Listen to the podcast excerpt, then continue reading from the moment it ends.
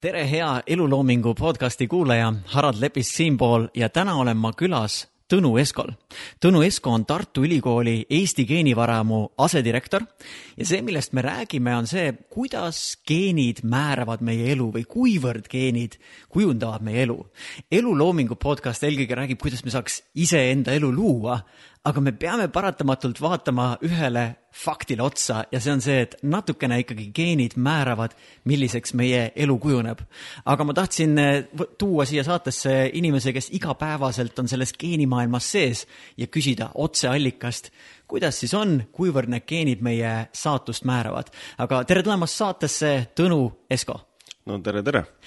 Tõnu, sina oled meil geeniteadlane, see on selline ametlik nimetus, aga kuidas sa ühe lausega tutvustaksid ennast inimesele, kes sind veel ei tea? no selline hea viis sellisel äh, kokteilipeol ennast tutvustada on öelda, et ma olen selline moodne voodoo master. ühesõnaga see, et kui vanasti voodoo master vaatas su käe pealt või, või, või luges kanakontide pealt, et mis tulevik toob, et siis mina kanakonti ei vaata, aga ma vaatan inimese sisse, tema geene ja selle pealt üritan siis öelda, et mis talle elu võib tuua ja peamiselt selles suunas, et mis haigused võiks teda elu sees oodata ja kuidas ennast siis oma elu paremini elada. ehk siis niisugune moodne eh, voodoo master nii et see, mida vanasti siis tegid selgeltnägijad, seda siis nüüd eh, suudavad geeniteadlased teha ja kas sa ütled, kas sa tõesti suudad teatud mõttes ennustada inimese tulevikku, vähemalt terviseinfo põhjal?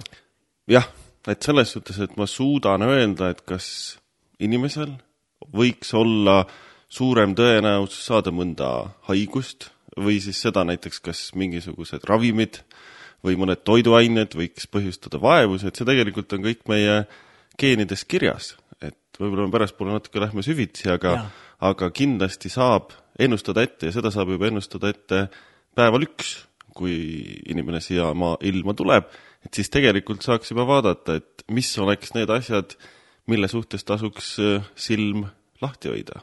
sul on selline põnev visioon, et ühel päeval ongi laps sünnib ja siis on sul kas siis pilves või mälupulga peal info kaasas kõigist ohtudest, mis tal on?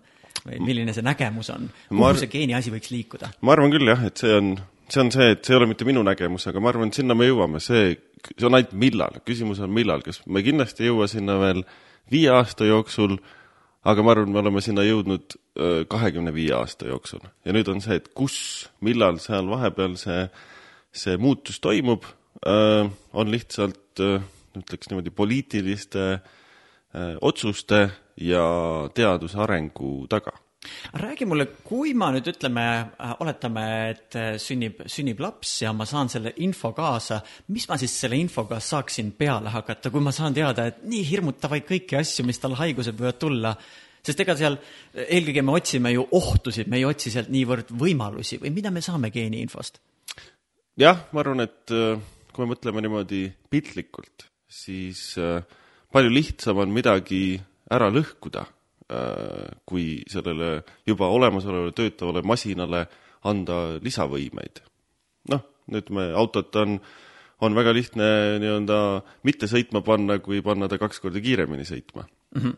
et sama, ma arvan, on ka meie organismiga, et, et on lihtsam teda ära lõhkuda ja sellepärast on ka need, need nii-öelda geenides kirjas olevad lood öö, äh, on pigem sellised, mis nii-öelda näitavad ohtusid, ei ole selliseid, mis annavad meile selliseid lisavõimeid, muidugi oleneb, mida on vaja, kui näiteks äh, äh, kapsa tajumine salatis äh, väga spetsiifiliselt on, on kuidagi kasulik võime mm -hmm., noh, see on nagu selline küsitavus või see, et kas me suudame, kas meil on absoluutne kuulmine, et see on ka geenides kirjas, et selles suhtes, et aga pigem on nad negatiivsed asjad.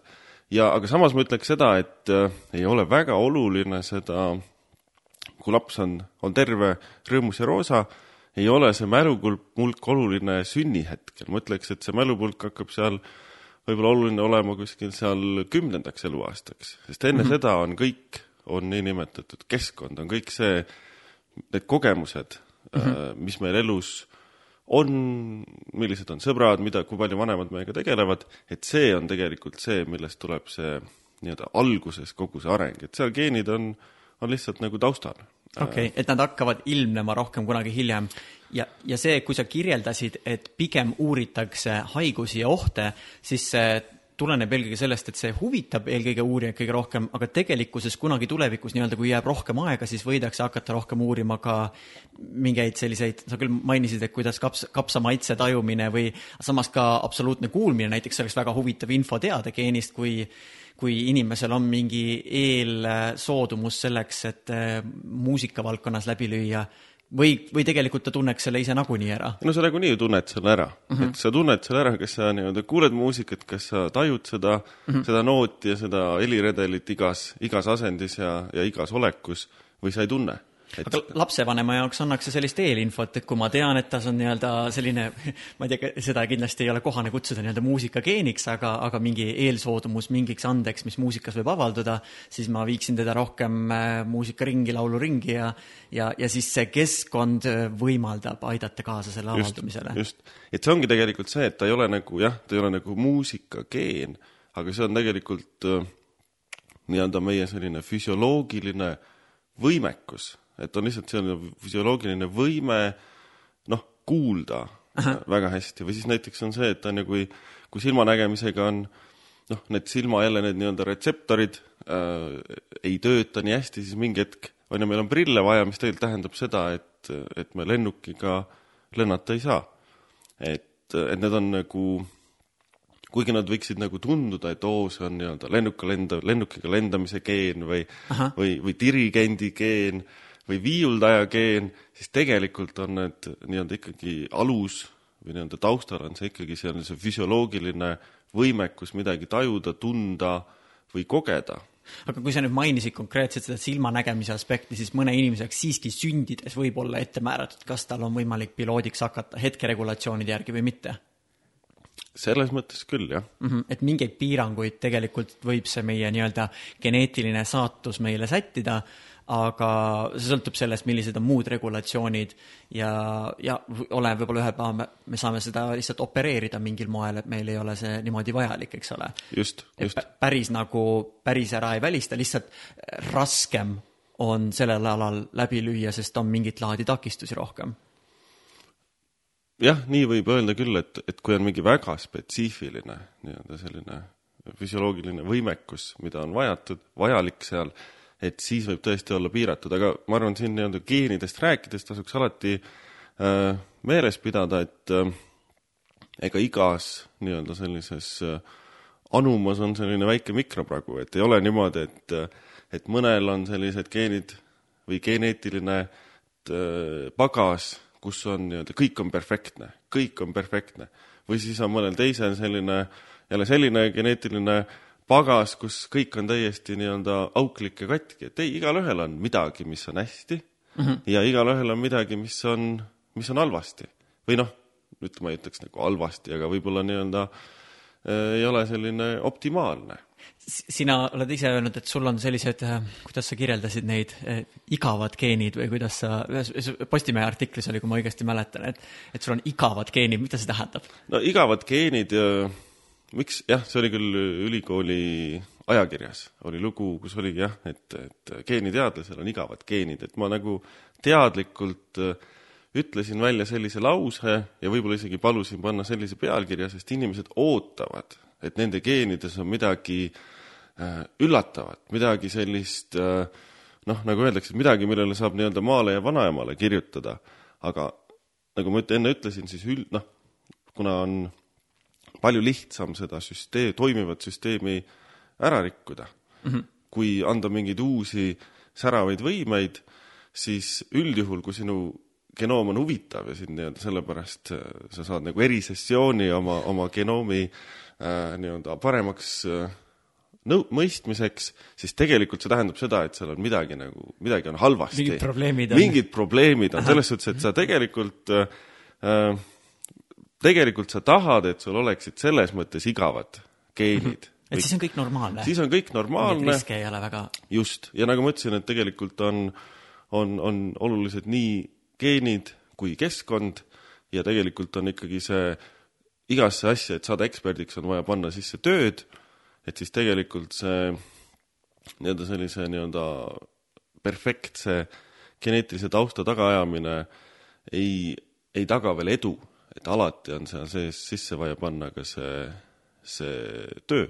ja noh, nagu sa tead ise, olles äh, nii-öelda diskor, et kui sa ikkagi mingi nupu põhja keerad, kui sa keerad ikka bassi põhja, siis tegelikult sa ei saa head muusikat, sest sul asjad lähevad nagu balance'ist välja, et samamoodi võib olla näiteks, et kui sa keerad põhja sellise näiteks nende närvirakkude tundlikkuse, siis tegelikult sa võid nii-öelda üle stimuleerida süsteemi ja selle tõttu kas siis saada äh, näiteks võib kujuneda välja mõni väga halb, halb haigus, näiteks skisofreenia. et selles suhtes äh, mitte, et seal on see nii-öelda seos, see on lihtsalt üks näide, et kui sa nii-öelda noh, see süsteem töötab nagu näiteks paremini, kui, kui on optimaalne, siis see võib omakorda viia mingisuguste tüsistusteni. kas me siis peaksime elama sellist hästi keskmist ja rahumeelset elu, et siis ei tule mingit üllatust meie geenipaketist välja?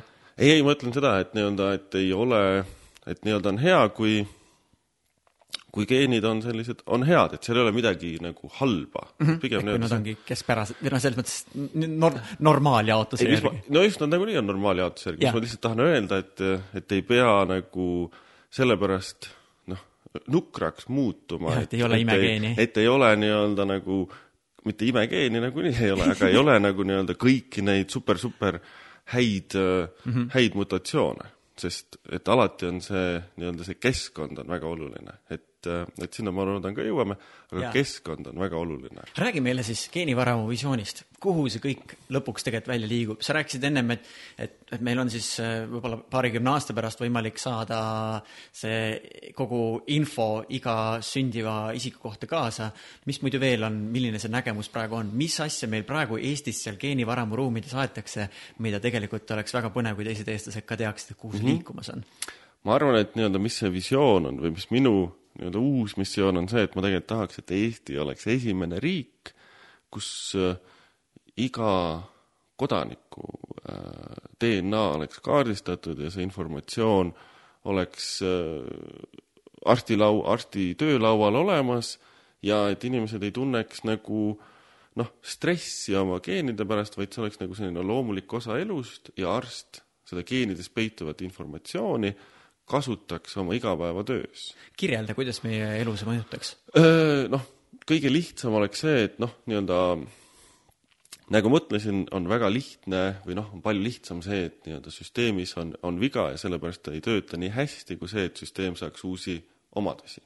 ja, ja mis see siis tähendab, on see, et võib-olla on ju noh, näiteks minu enda geenidest ma tean, et, et, et minu äh, nii-öelda laktoosi ehk siis piimasuhkrut äh, lagundav ensüüm ei ole nii kõrgelt esindatud minu soolestikus, ehk siis kui ma söön liiga palju, äh, joon liiga palju törpiima, ma saan nii-öelda kõhuhädad. Mm -hmm.. noh, see on nagu kõige lihtsam see ja siis mis ma siis tean, seda teades ma tegelikult teadlikult olen nii-öelda kahandanud äh, nii-öelda toorpiima tarbimist ja siis ma keskendun, ma ei tea, jogurtitele või, või kas, kas sisuliselt tulevikus, ühesõnaga selle geeniinfo järgi me võiksime panna enda kõige ideaalsema äh, söögilaua menüü kokku, mis meid parimal moel äh, võimaldaks meil parimat sooritust saada?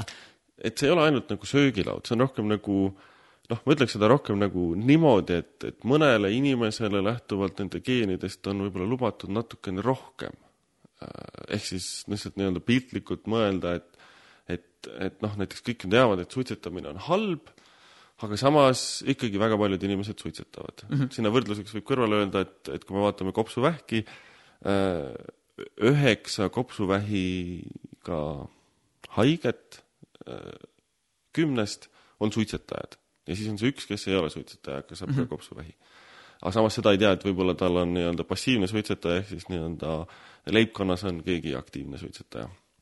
aga samas jälle võrdluseks võib öelda, et, et vähem kui kümme protsenti kõikidest suitsetajatest saavad kopsuvähi. noh, ja siis ongi seal see selline balancing, et see on üks kümnest chance või võimalus, et, et või risk, et sa saad selle kopsuvähi.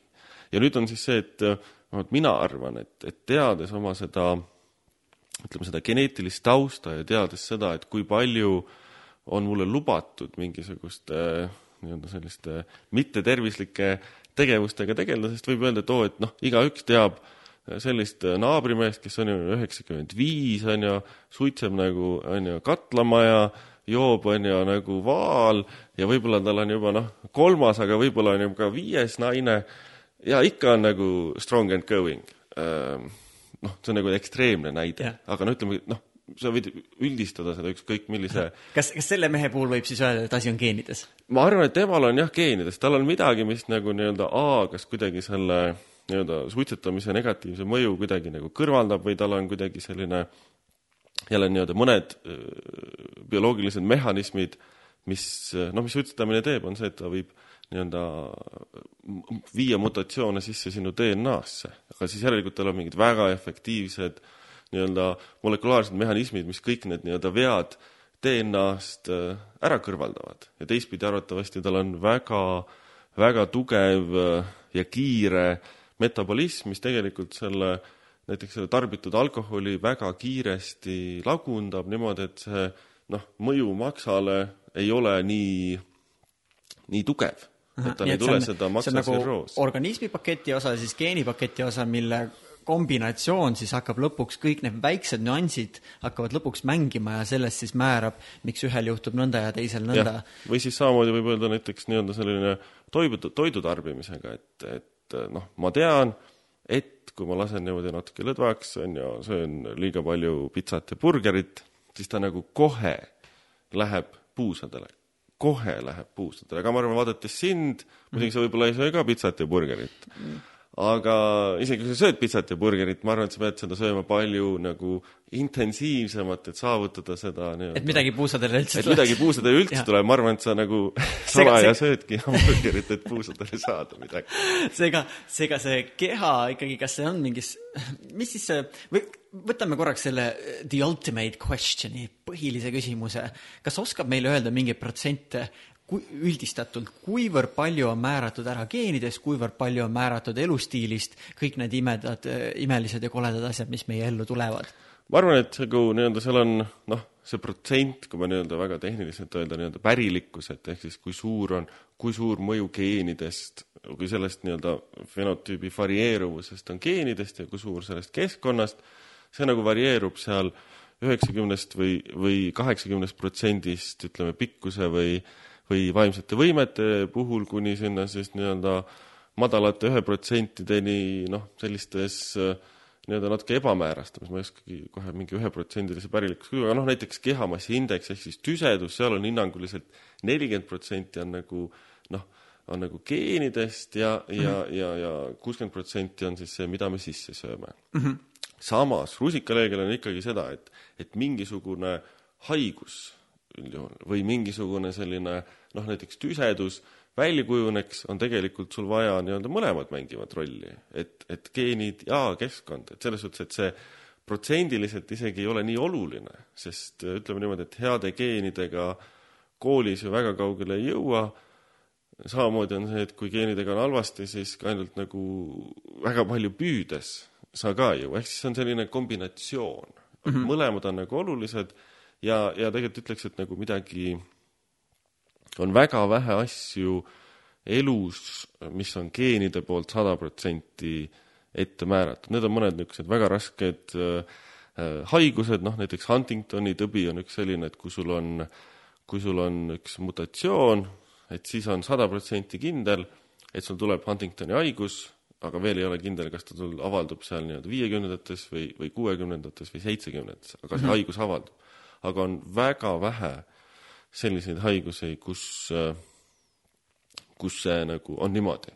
et üldjuhul on ikkagi see, et, et näiteks noh, nagu ma ütlesingi, see, et kui sa tead, et noh, kui palju sellist natuke nii-öelda ebatervislikult või, või sa-, suboptimaalset äh, käitumist su, su geene, geneetiline taust nagu lubab, siis, siis sa saad seda arvesse võtta ja, ja, ja tegelikult on noh, niigi nagu seda tunnetada, aga ma, vähemalt ma ise loodan, et kui sa tead, et, et vaata, et sa peaks nagu vähem soola tarbima, kuigi sulle endale tundub, et sa tahaksid õudselt soola tarbida, siis sest sa, ja kui sa tead, et nii-öelda geenid nagu ütlevad sulle seda, võib-olla sul on seda lihtsam äh, nagu korrale kutsuda. võib-olla ka suitsetamisest loobuda, kui sa tead, et, et sul on palju suurem risk et sul on kümme korda suurem risk saada kopsuvähki, sest sul on selline geneetiline taust. mis muidu seal äh, keskkonnas on need asjad, mis äratavad mingit laadi geenide avaldumist, kui nii-öelda üks asi on toit ja, ja ütleme, halbade harjumuste puhul, kas siis see suitsetamine, alkohol või mingid muud ained, äh, mis on veel mingid mõjurid, mis tegelikult äh, määravad seda, kas meil midagi üllatavat võib ühel aastal välja lüüa? võtaks võib-olla, võtaks sammu tagasi, et selles suhtes, et noh, geenid, mis on geenid, geene meil on kehas umbes kakskümmend tuhat ja igas rakus on põhimõtteliselt täpselt seesama DNA, ehk siis on täpselt needsamad kakskümmend tuhat geeni. igas, igas minu äh, nii-öelda siin sõrme otsas ja siin kõrva otsas on täpselt samad geenid olemas? no seal isegi nii nagu üllatav ei ole, sest see on sama nii-öelda see naha, nahakude, ma ütleks okay., et nii-öelda sõrme otsas ja nii-öelda südame tipus ja, ja, ja siis seal neeru all kumeras, igas selles rakus on täpselt seesama geneetiline informatsioon, seal küll mm -hmm. noh, jälle tehniliseks minna, võib-olla elu jooksul tulevad mutatsioonid, jätame selle kõrvale, aga põhimõtteliselt on, on seesama informatsioon. mis tegelikult, ja iga geen, mis geeni nii-öelda põhifunktsioon on, on see, et on nagu täita mingit bioloogilist rolli, et aa, kas ta on mingi ensüüm või ehk siis mingi selline, ütleks siis selline nagu vabrik, mis midagi lagundab või midagi ehitab mm, -hmm. või ta on selline nagu struktuurne, ehk siis on, saad nüüd ütleme nagu tee, või siis on see, et on nagu tunnel, et kus siis läbi nii-öelda noh, teetunneliga, et siis noh, ehk siis selline poor, kus midagi liigub ühest kohast teise, nii-öelda raku seest raku välja või vastupidi. et need on nagu üldjuhul kaks sellist põhifunktsiooni, et sellepärast ei saagi olla nagu nii-öelda äh,, nii-öelda äh, muusika, noh, nagu näiteks mingi andekuse geeni või midagi mhm. sellist, sest noh, geenil põhimõtteliselt on ainult nii-öelda bioloogiline funktsioon ja nüüd, kui sa küsisid, et millised on need trigger'id või nii-öelda nagu... keskkonnamõjud, mis seda geeni nii-öelda avaldumist või aktiivsust määravad, noh, ongi see, et näiteks on see, et, et milline see signaal, et millises koes või millises rakus ta peaks olema aktiivne, millises äh, arengujärgus, et kas ta peaks olema juba nii-öelda nii-öelda selline ema kõhus peaks ta olema aktiivne või ta peaks olema aktiivne siis, kui juba on niimoodi sünnitud või kas ta peaks olema pigem selline täiskasvanueas või, või lapseeas ja, ja siis on ka nii-öelda need sellised äh, et neil on nagu taimer sisse kodeeritud, millal ta peaks avalduma või? no ta on, ütleme mitte nagu taimer selles suhtes, tal on nagu niisugune molekulaarne taimer. okei okay,, ta saab aru, et seal... kui mingid tingimused organismis muutuvad soosivaks, siis ta jah, et no ütleme, seal tuleb ikkagi, lõpuks on ikkagi nii-öelda selline bioloogiline äh, mehhanism, et peab ikkagi kuskilt tulema mingi molekul või mingi valk seonduma kuskile DNA peale, siis see läheb nagu lahti. aga see, et see nii-öelda molekul või äh, või see valk seal oleks, noh, ongi seal nii-öelda see keskkonnast tulevad faktorid, et kas see keskkond on siis nii-öelda see organ ise või siis see organismi nagu selline arengustaadium, mis siis annab selliseid hormonaalseid või, või selliseid signaale või noh, ütleme niimoodi käs-, täiskasvanu eas on see rohkem niimoodi, et noh, ongi, kui me midagi tarbime, siis meil on seal verre lähevad need äh, molekulid või või aineosakesed, mis siis nii-öelda ise stimuleerivad neid äh, vererakke siis nii-öelda mingisuguseid ensü-, ensüüme tootma või, või noh, ongi see noh, et on niimoodi, et nii-öelda keskkonnast nii-öelda laias mõttes tulevad need signaalid. käivitajad. mis nagu käivitavad seda, jah. ja mõned asjad ei pruugi üldse midagi tekitada, aga mõned asjad võivad, äh, võivad seal selle asja käima panna ja mõnede asjade puhul, kui see kogus väga suureks muutub või väga püsivaks muutub, et siis, siis ta käivitub jah, jah, niimoodi võib öelda küll. kas muidu, äh, mis on, ütleme, noh, toiduga on meil nagu lihtne, me lihtsalt paneme mingit teist asja endale, pistame suhu, aga kas muidu on see kõik, on ka veel õhust, päikesest, enda psühholoogilisest seisundist äh,, une kvaliteedist, mis tegurid veel on, mis kõik seda paketti määravad äh,?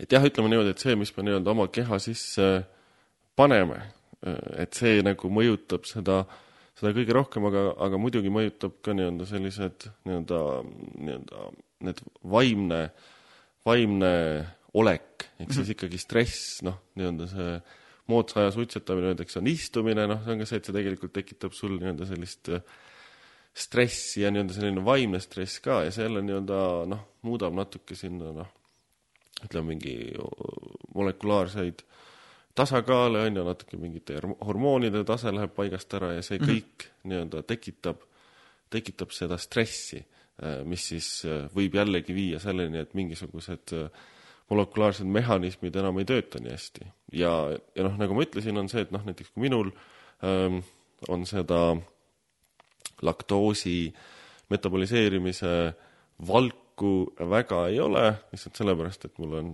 on selline mutatsioon aga see on suhteliselt tavaline Eestis, kakskümmend viis protsenti eestlastest kannab sellist mutatsiooni, et ei pea tundma nagu äh, ei tund-, ei pea tundma halvasti, aga samas ei saa tunda ennast ka eriliselt, sest noh, neid on teised, teistel on ka. et, et, et see tegelikult noh, ongi see, et kui, mis tegelikult tähendabki, et kui ma nii-öelda keskkonnast tuleb liiga palju sellist äh, signaali, milleks mu keha ei ole valmis mm, -hmm. siis selle tõttu tegelikult mul tekib äh, tervisehäda. ja samamoodi võib-olla nagu mõnede teiste selliste äh, nii-öelda tarbimisharju-, harjumustega, mis kui noh, näiteks üks asi on nii-öelda gluteenitalumatus, mis tegelikult tekitab väga, väga sellist äh, rasket nii-öelda soolestiku vaevust, samas natuke see nii-öelda lakto-, gluteenitalumatus on ka selline moehaigus, et tegelikult see nii-öelda geneetiline äh, gluteenitalumatus ei ole, ei ole nii sage. Et see on et, siis ise kuidagi tekitatud niimoodi, mõtle, mõtle, kui lahe oleks, kui meil oleks selline äh, eks ta tegelikult meil organismis ilmselt intelligentselt on olemas, aga mõtle, kui, kui meil oleks nagu organism saaks ise aru, et hei, see, et sa praegu väsinuna tunned, see on sellepärast, et sa kaks tundi tagasi jõid seda, seda, teist, kolmandat. ja siis annaks meile nagu täpse sellise selge data kokku. tõenäoliselt ta kuskil meil organismi nagu jookseb kokku, organism saab aru, et mis teda ründas või tekkis, aga ta ei tõlgenda meie teadvusele seda. lihtsalt ma hakkasin mõtlema, et kui, kui lahe oleks see, kui me saame nagu täpset tagasiside infot igast asjast, mida me sööme, tarbime, kuidas see mõjub, kuidas me saaks hakata kohe nagu enda valikuid teistmoodi tegema. aga kuna meil seda mehhanismi ei ole, kuna me oleme siuke... nii hõivatud, et neid äh, tajuda, neid signaale või, või nendest aru saada, et miks ma praegu ennast väsinuna tunnen või, või miks praegu niimoodi läks või naamadi, siis, siis meil ei ole seda õppimise mehhanismi. Ja võib juhtuda, et me järjest tarbime ja tarbime ja tarbime seda asja ja ei saa aru, miks me iga päev tunneme ennast väsinuna. just, just või halvasti või, või miks on on, on, on kõht korrast ära, et see, et see on küll niimoodi jah, ja see, see on ka see, et see tegelikult see teadus äh, teadus nagu areneb, et lihtsalt kui võib-olla siin kuulajale nagu taustaks, et noh, tegelikult inimese genoom ju sekveneeriti täielikult alles aastal kaks tuhat neli, noh, millest nüüd on noh, seal esimene väljalase oli jah, kaks tuhat üks, ehk siis noh, juba no juba päris head, noh, veel kakskümmend aastat ei ole, aga noh mm -hmm., nii-öelda close enough. et enne seda tegelikult ei olnud üldse teada, milline need geenid on. ja mm, -hmm. ja esimese äh, genoomi sekveneerimiseks läks kümme aastat ja see maksis kolm miljardit samas nii-öelda tänapäeval me saame genoomi ära lugeda umbes nädalaga ja see maksab umbes nagu tuhat eurot. ehk siis nii-öelda see on see tehnoloogia metsik areng, mis, mis võimaldab seda teadust teha ja aastal kaks tuhat seitse oli teada võib-olla umbes kümme sellist, ütleme siis komplekshaiguste või komplekstunnuse, kus on olulised nii geenid kui keskkond, mutatsioone, mis siis nagu määravad seda kümme mm. -hmm. ja ma arvan, tänapäeval äh, iga päev ilmub äh, artikleid, kus on nii-öelda kümneid ja sadu uusi äh, seoseid, äh, nii-öelda usutavaid seoseid ja andmebaasis on, ma arvan, rohkem kui viiskümmend tuhat tunnust, mis seda määravad, näiteks seda, et on ju, kas sulle meeldib panna toidule soola juurde, selle jaoks on juba leitud näiteks kakskümmend viis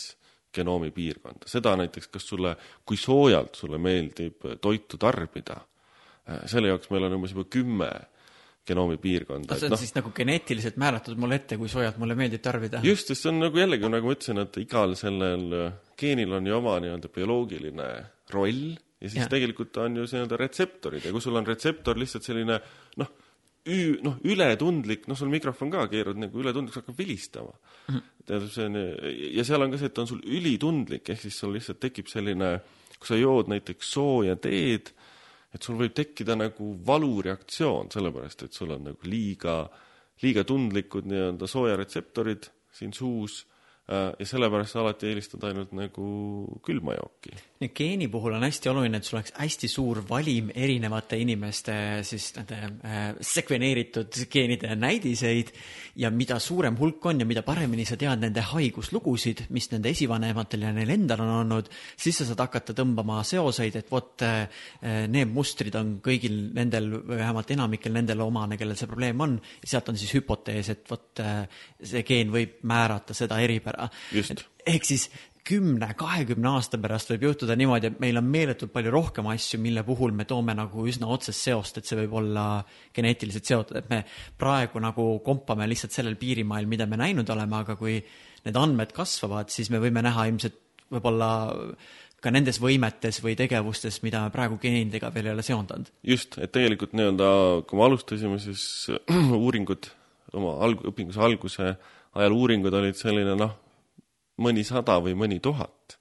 aga nüüd kõige viimane, ma arvan, et nüüd see nädal või, või järgmine nädal ilmuv äh, uuring siis nii-öelda vaimsetest võimetest, et seal on uurimuse all juba üks koma kolm miljonit inimest üle mm -hmm. maailma ja ma tean, et töös on paar äh, analüüsi, kus on nii-öelda kuni juba kolm miljonit uuritavat ja miks on nii palju vaja, noh, nagu ongi see, et see üksikute geenide mõju on hästi väike ja samas on nii-öelda see keskkonna äh, nii-öelda moduleeriv mõju või -hmm. keskkonnamõju äh, ja siis nii-öelda, et sealt äh, terasid sõkaldest eemaldada, selle jaoks lihtsalt ongi vaja väga, väga suuri andmeid, et siis nii-öelda et statistiliselt seda. oleks esinduslik see just, tulemus, muidu, muidu väikse valimi peale ei saa väita, et see just, laieneb no, ka teistele. piltlikult öeldes on ju see, et me neil päevil me vaatame noh, kuigi genoomis on kolm koma kolm miljardit ehituskivi, siis me nii-öelda aktiivselt vaatame umbes kolmekümmend viit miljonit, sest tegelikult iga asi ei varieeru minu mm -hmm. ja sinu vahel või minu ja mõne prantslase vahel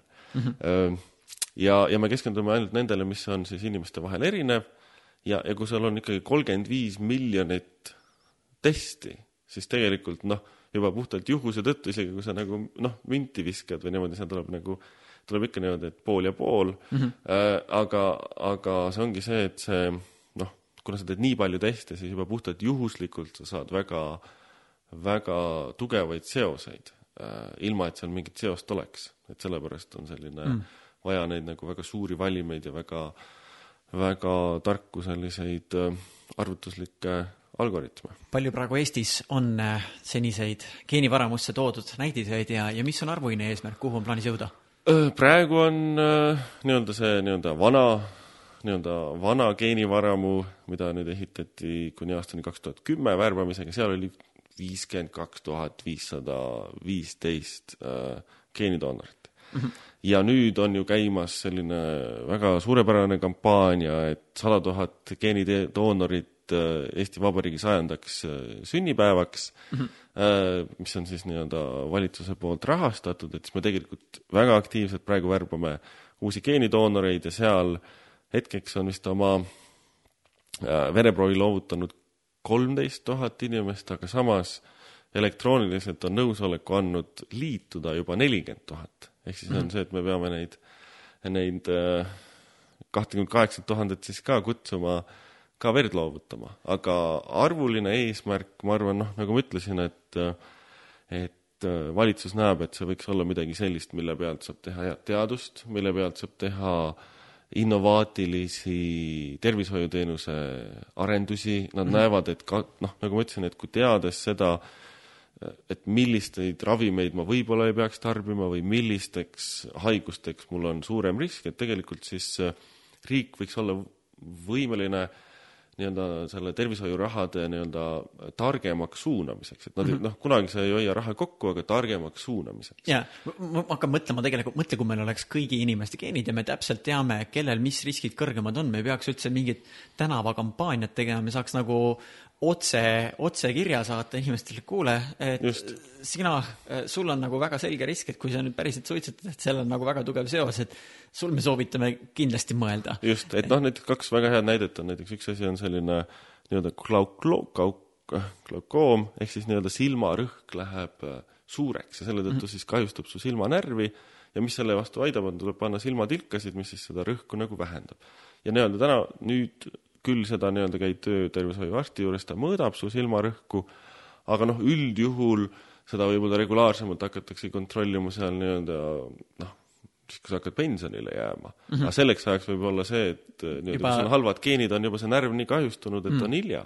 aga kui sa nüüd tead, kellel on see suurem nii-öelda risk seda haigust saada, siis nagu kohe noh, kutsutaksegi spetsiifiliselt välja, et vaata, mõõdame üle või et sa peadki käima juba neljakümnendatel aastatel. ja, ja näiteks mõõtma. kindlad, kindlad markerid, mida sul perearst kontrollib ja mida ta talletab ja kui ta näeb, et miski hakkab muutuma, siis ta teab, millal on tarvis sekkuda. minu meelest see on nagu hästi põnev, kuidas meditsiin võib päriselt muutuda hoopis, hoopis teisele tasandile, kus me ei, ei ravi tagajärge, vaid me, me nagu näeme juba ära, mis hakkab tulema. just, et selles suhtes, et keskendudagi rohkem sellele ennetusele, ehk siis nagu haiguse ennetamisele, mitte, mitte ravimisele, sest äh, ravida on juba palju keerulisem, palju kallim on äh, ja, ja, ja kulukam ja teistpidi on see, et ju kui no, haigus tähendab seda, et mingid mehhanismid on juba kas siis ajutiselt katki või pöördumatult katki ja siis sa pead nagu kuidagi nii-öelda sealt ümber saama, aga kui sa saad kuidagi seda ennetada, siis on ju parem, samamoodi noh, võiks näiteks välja tuua nagu rinnavähi, et siin on küll jah, nii-öelda need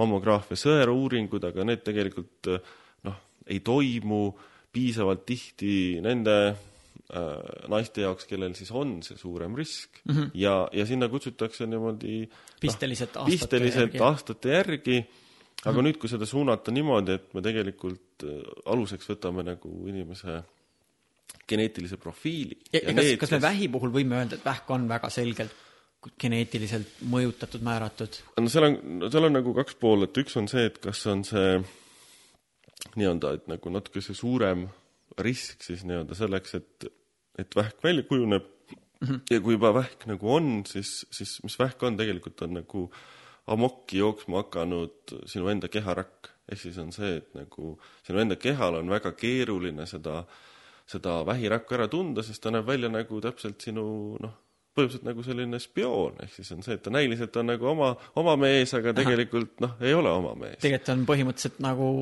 nagu, nagu vaimuhaige rakk, mis on hulluks ära läinud no põhimõtteliselt jah, selline nii-öelda ta näeb kes... välja, kui ma, me analoogia näeb, me näeme, et ta nagu inimene näeb välja, aga ta võib ohtlik olla. ma ütleks, et ta rohkem on nagu selline terrorist. et selles mõttes, et ta nagu näeb välja nagu noh, et kõik nagu, võib-olla on midagi natuke kahtlast, aga mitte piisavalt kahtlane, et äh, et nagu midagi kohe tegema hakata mm. -hmm. Äh, erinevalt siis sellest, kui sul tulevadki nii-öelda mingi võõrväed võõraste embleemidega, noh, nagu on mingid patogeenid nagu viirused või, või bakterid mm, -hmm. valgloomad, seal keha teab, et see on kohe. mingi jama, põletik kohe peale, korras.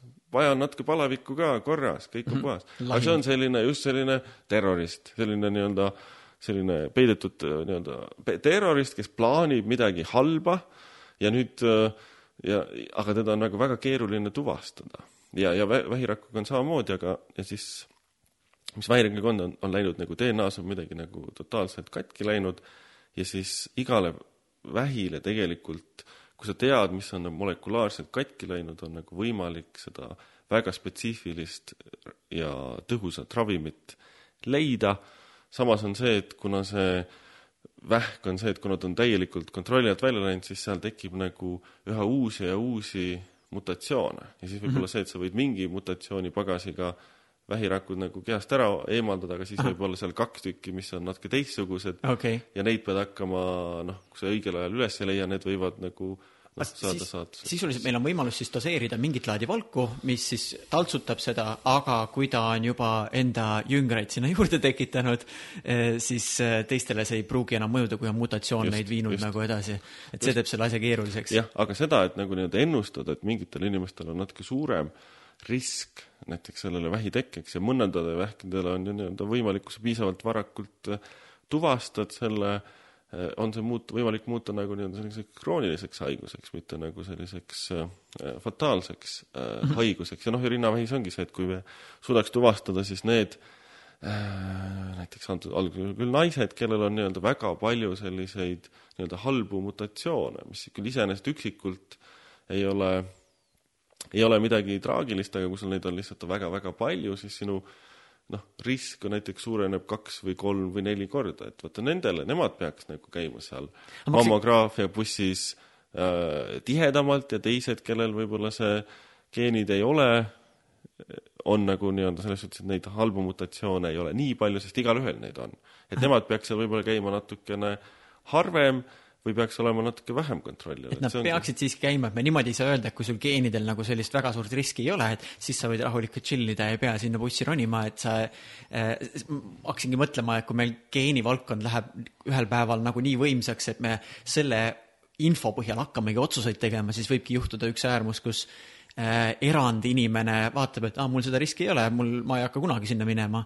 et, äh, et sa, sa ikkagi soovitad mingi intervalli. ja, ja igal juhul selles suhtes, et nagu nii-öelda, kuidas see noh, et, et ei ole see, et noh, me väga palju ei ole leidnud selliseid geenides selliseid mutatsioone, mis nagu spetsiifiliselt kaitseks mingisuguse haiguse vastu, et mõned mm -hmm. asjad on, on mõned mingid mutatsioonid, väga nii-öelda harva esinevad mutatsioonid, mis kaitsevad siin näiteks äh, südamehaiguste vastu või kuidagi kaitsevad siin mõne spetsiifilise äh, vähi vastu näiteks, aga neid on nagu väga vähe. et selles suhtes, et, et seda, kui sul geenid ei ütle, et on, on mingisugune murekoht, siis ega siis see ei tähenda, et, et sa siis ei peaks selle nagu silma peal hoidma, pigem lihtsalt mm. nagu keskenduda natukene sellele poolele või nendele äh, inimestele, kellel on nii-öelda see risk geenide poolt on natuke suurem ja läbi selle noh, mitte oodata, et neil tuleks see tervisehäda, aga võib-olla on midagi, mida saab juba teha täna ja üldjuhul noh, vahest on see, et tuleb anda näiteks mingit äh,,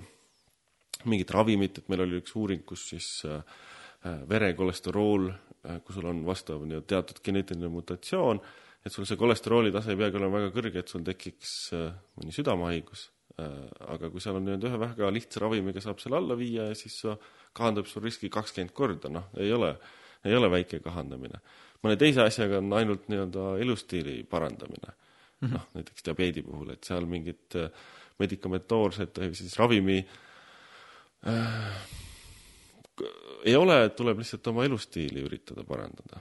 kui sa nüüd kirjeldasid, et äh, Eesti Vabariik sada raames on, äh, oodatakse neid uusi geenidoonoreid juurde, see praegu käib niimoodi, et lähed geenivaramu kodulehele, täidad siis äh, sellise eelneva hea tahte avalduse ära, et sa oled valmis olema doonoriks ja siis sul on vaja koguda enda esivanemate sellised haigusluud kokku või? ei, ei, seekord isegi tegelikult on palju lihtsam, et selles okay. suhtes, et äh, jah, lähed geenivaramu koduleheküljele, seal ei ole mitte hea tahte avaldus, vaid on nagu informeeritud nõusolek äh,, ehk siis on see, et igaüks peaks sellega põhjalikult tutvuma ja siis ise kaaluma, kas äh, kas need nii-öelda tingimused, mis me seal oleme kirja pannud, et kas need on teile vastuvõetavad. samas mm -hmm. tuleb meeles pidada, et Eesti on, oli üks esimesi riike, kes võttis vastu nii-öelda geeniuuringute seaduse, mis tegelikult tagab selle, et iga geenidoonori õigused on kaitstud, et selles suhtes, et ei saa tööandja teid kuidagi diskrimineerida, tervishoiusüsteem ei saa teid diskrimineerida, teie andmed ei ole äh, jõuorganisatsioonidele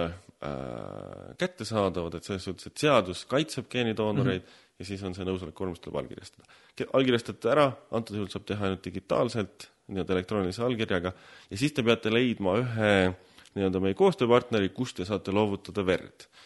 kas need on nii-öelda Tallinnas ja Tartus on haiglad, ma tean, et me avame Pärnus, Kuressaares, Rakveres, vist ka Paides ja Viljandi haiglates need kogumispunktid ja lisaks on siis Synlabi nii-öelda laborid üle Eesti ja siis lähete sinna, annate vere, äh, hea oleks, kui ta oleks välja prinditud see nõusoleku vorm, et te näitate, et jah, et teil on see allkirjastatud äh, ja, ja siis on kõik. ja siis mingi aja pärast teile tuleb e, emailile tuleb siis äh, kiri palvega, et täidatakse, siis täidaksite natuke nii-öelda oma elustiili informatsiooni, ehk siis see, et mhm. palju te teete sporti, mis te sööte, mis on teie noh, sellised terviseharjum, joomine, suitsetamine mm -hmm. ja tegelikult vist ka natuke nii-öelda vanavanemate kohta, aga need haigused kui sellised me saame suurepärasest äh, elektroonilistest andmebaasidest ja mm, -hmm. ja siis, ja siis mingi hetk, jällegi ma ei oska öelda, millal võiks tekkida nii-öelda e-patsiendi portaali sellised esimesed nii-öelda raportid mõndade selliste haiguste kohta, et mis siis äh, mis siis, mille suhtes tuleks olla natukene tähelepanelikum ja see mhm. kõik ikkagi on koostöös arstidele. et sellega võib veel minna aega, aga see eeldus on, et saaks üldse selliseid raporteid teha, on see valim peab olema suur, et siis saab sealt järeldusi just, teha, nii et, et kui just. me tahame, mida kiiremini me tahame nautida või, või noh, kas nüüd nautida otseselt, oo kui mõnus geeniinfo, vaid et, vaid et mingil moel sellest osa saada, et siis on oluline, et me saame enda, see, mis meie saame teha, me saame nagu enda näidise sinna Äh, sinna varamusse äh, anda, et oleks võimalik siis hakata nägema neid äh, seoseid, mustreid. ja ma saan aru, siis esivanemate haiguslood, infod, need on võimalik siis võtta ei, neid, ei andmebaasist ei ole, aga noh, see ongi see, et meil nagu see esimene viiskümmend tuhat sai väga Põhjalik. põhjalikult tehtud, aga see nii-öelda, kes juurde tuleb, seal me nagu nii-öelda peame, peame leidma sellise nii-öelda sellise tasakaalupunkti et kuidas nagu nii-öelda inimeste liitumine muuta võimalikult vähe vaevarikkaks ja, ja tegelikult koguda sellist informatsiooni, mida meil noh, reaalselt on vaja selliste tervishoiuteenuste arendamiseks või sinna sissepanekuks. ja üks aspekt, mida me siiski ise saame ka, äh, kui me tahame kohe nagu mingit aimdust saada, siis ma saan aru, et ikkagi enda sellise eelkäijate eluloo ja, ja, ja terviseloo uurimine annab meile selgelt aimdust, mis riskid meil endal on, et kui meie vanematel on olnud mingid mingid äh, haigused, mis neil on äh, kujunenud, siis on see tõenäosus arvestatav, et see võib kujuneda ka meile. kõige esmane asi, mida me saame ilma kange geeni, geenikaardita teha, on see, et õppida tundma, kui kaugele umbes oma liinis peaks siis vaatama.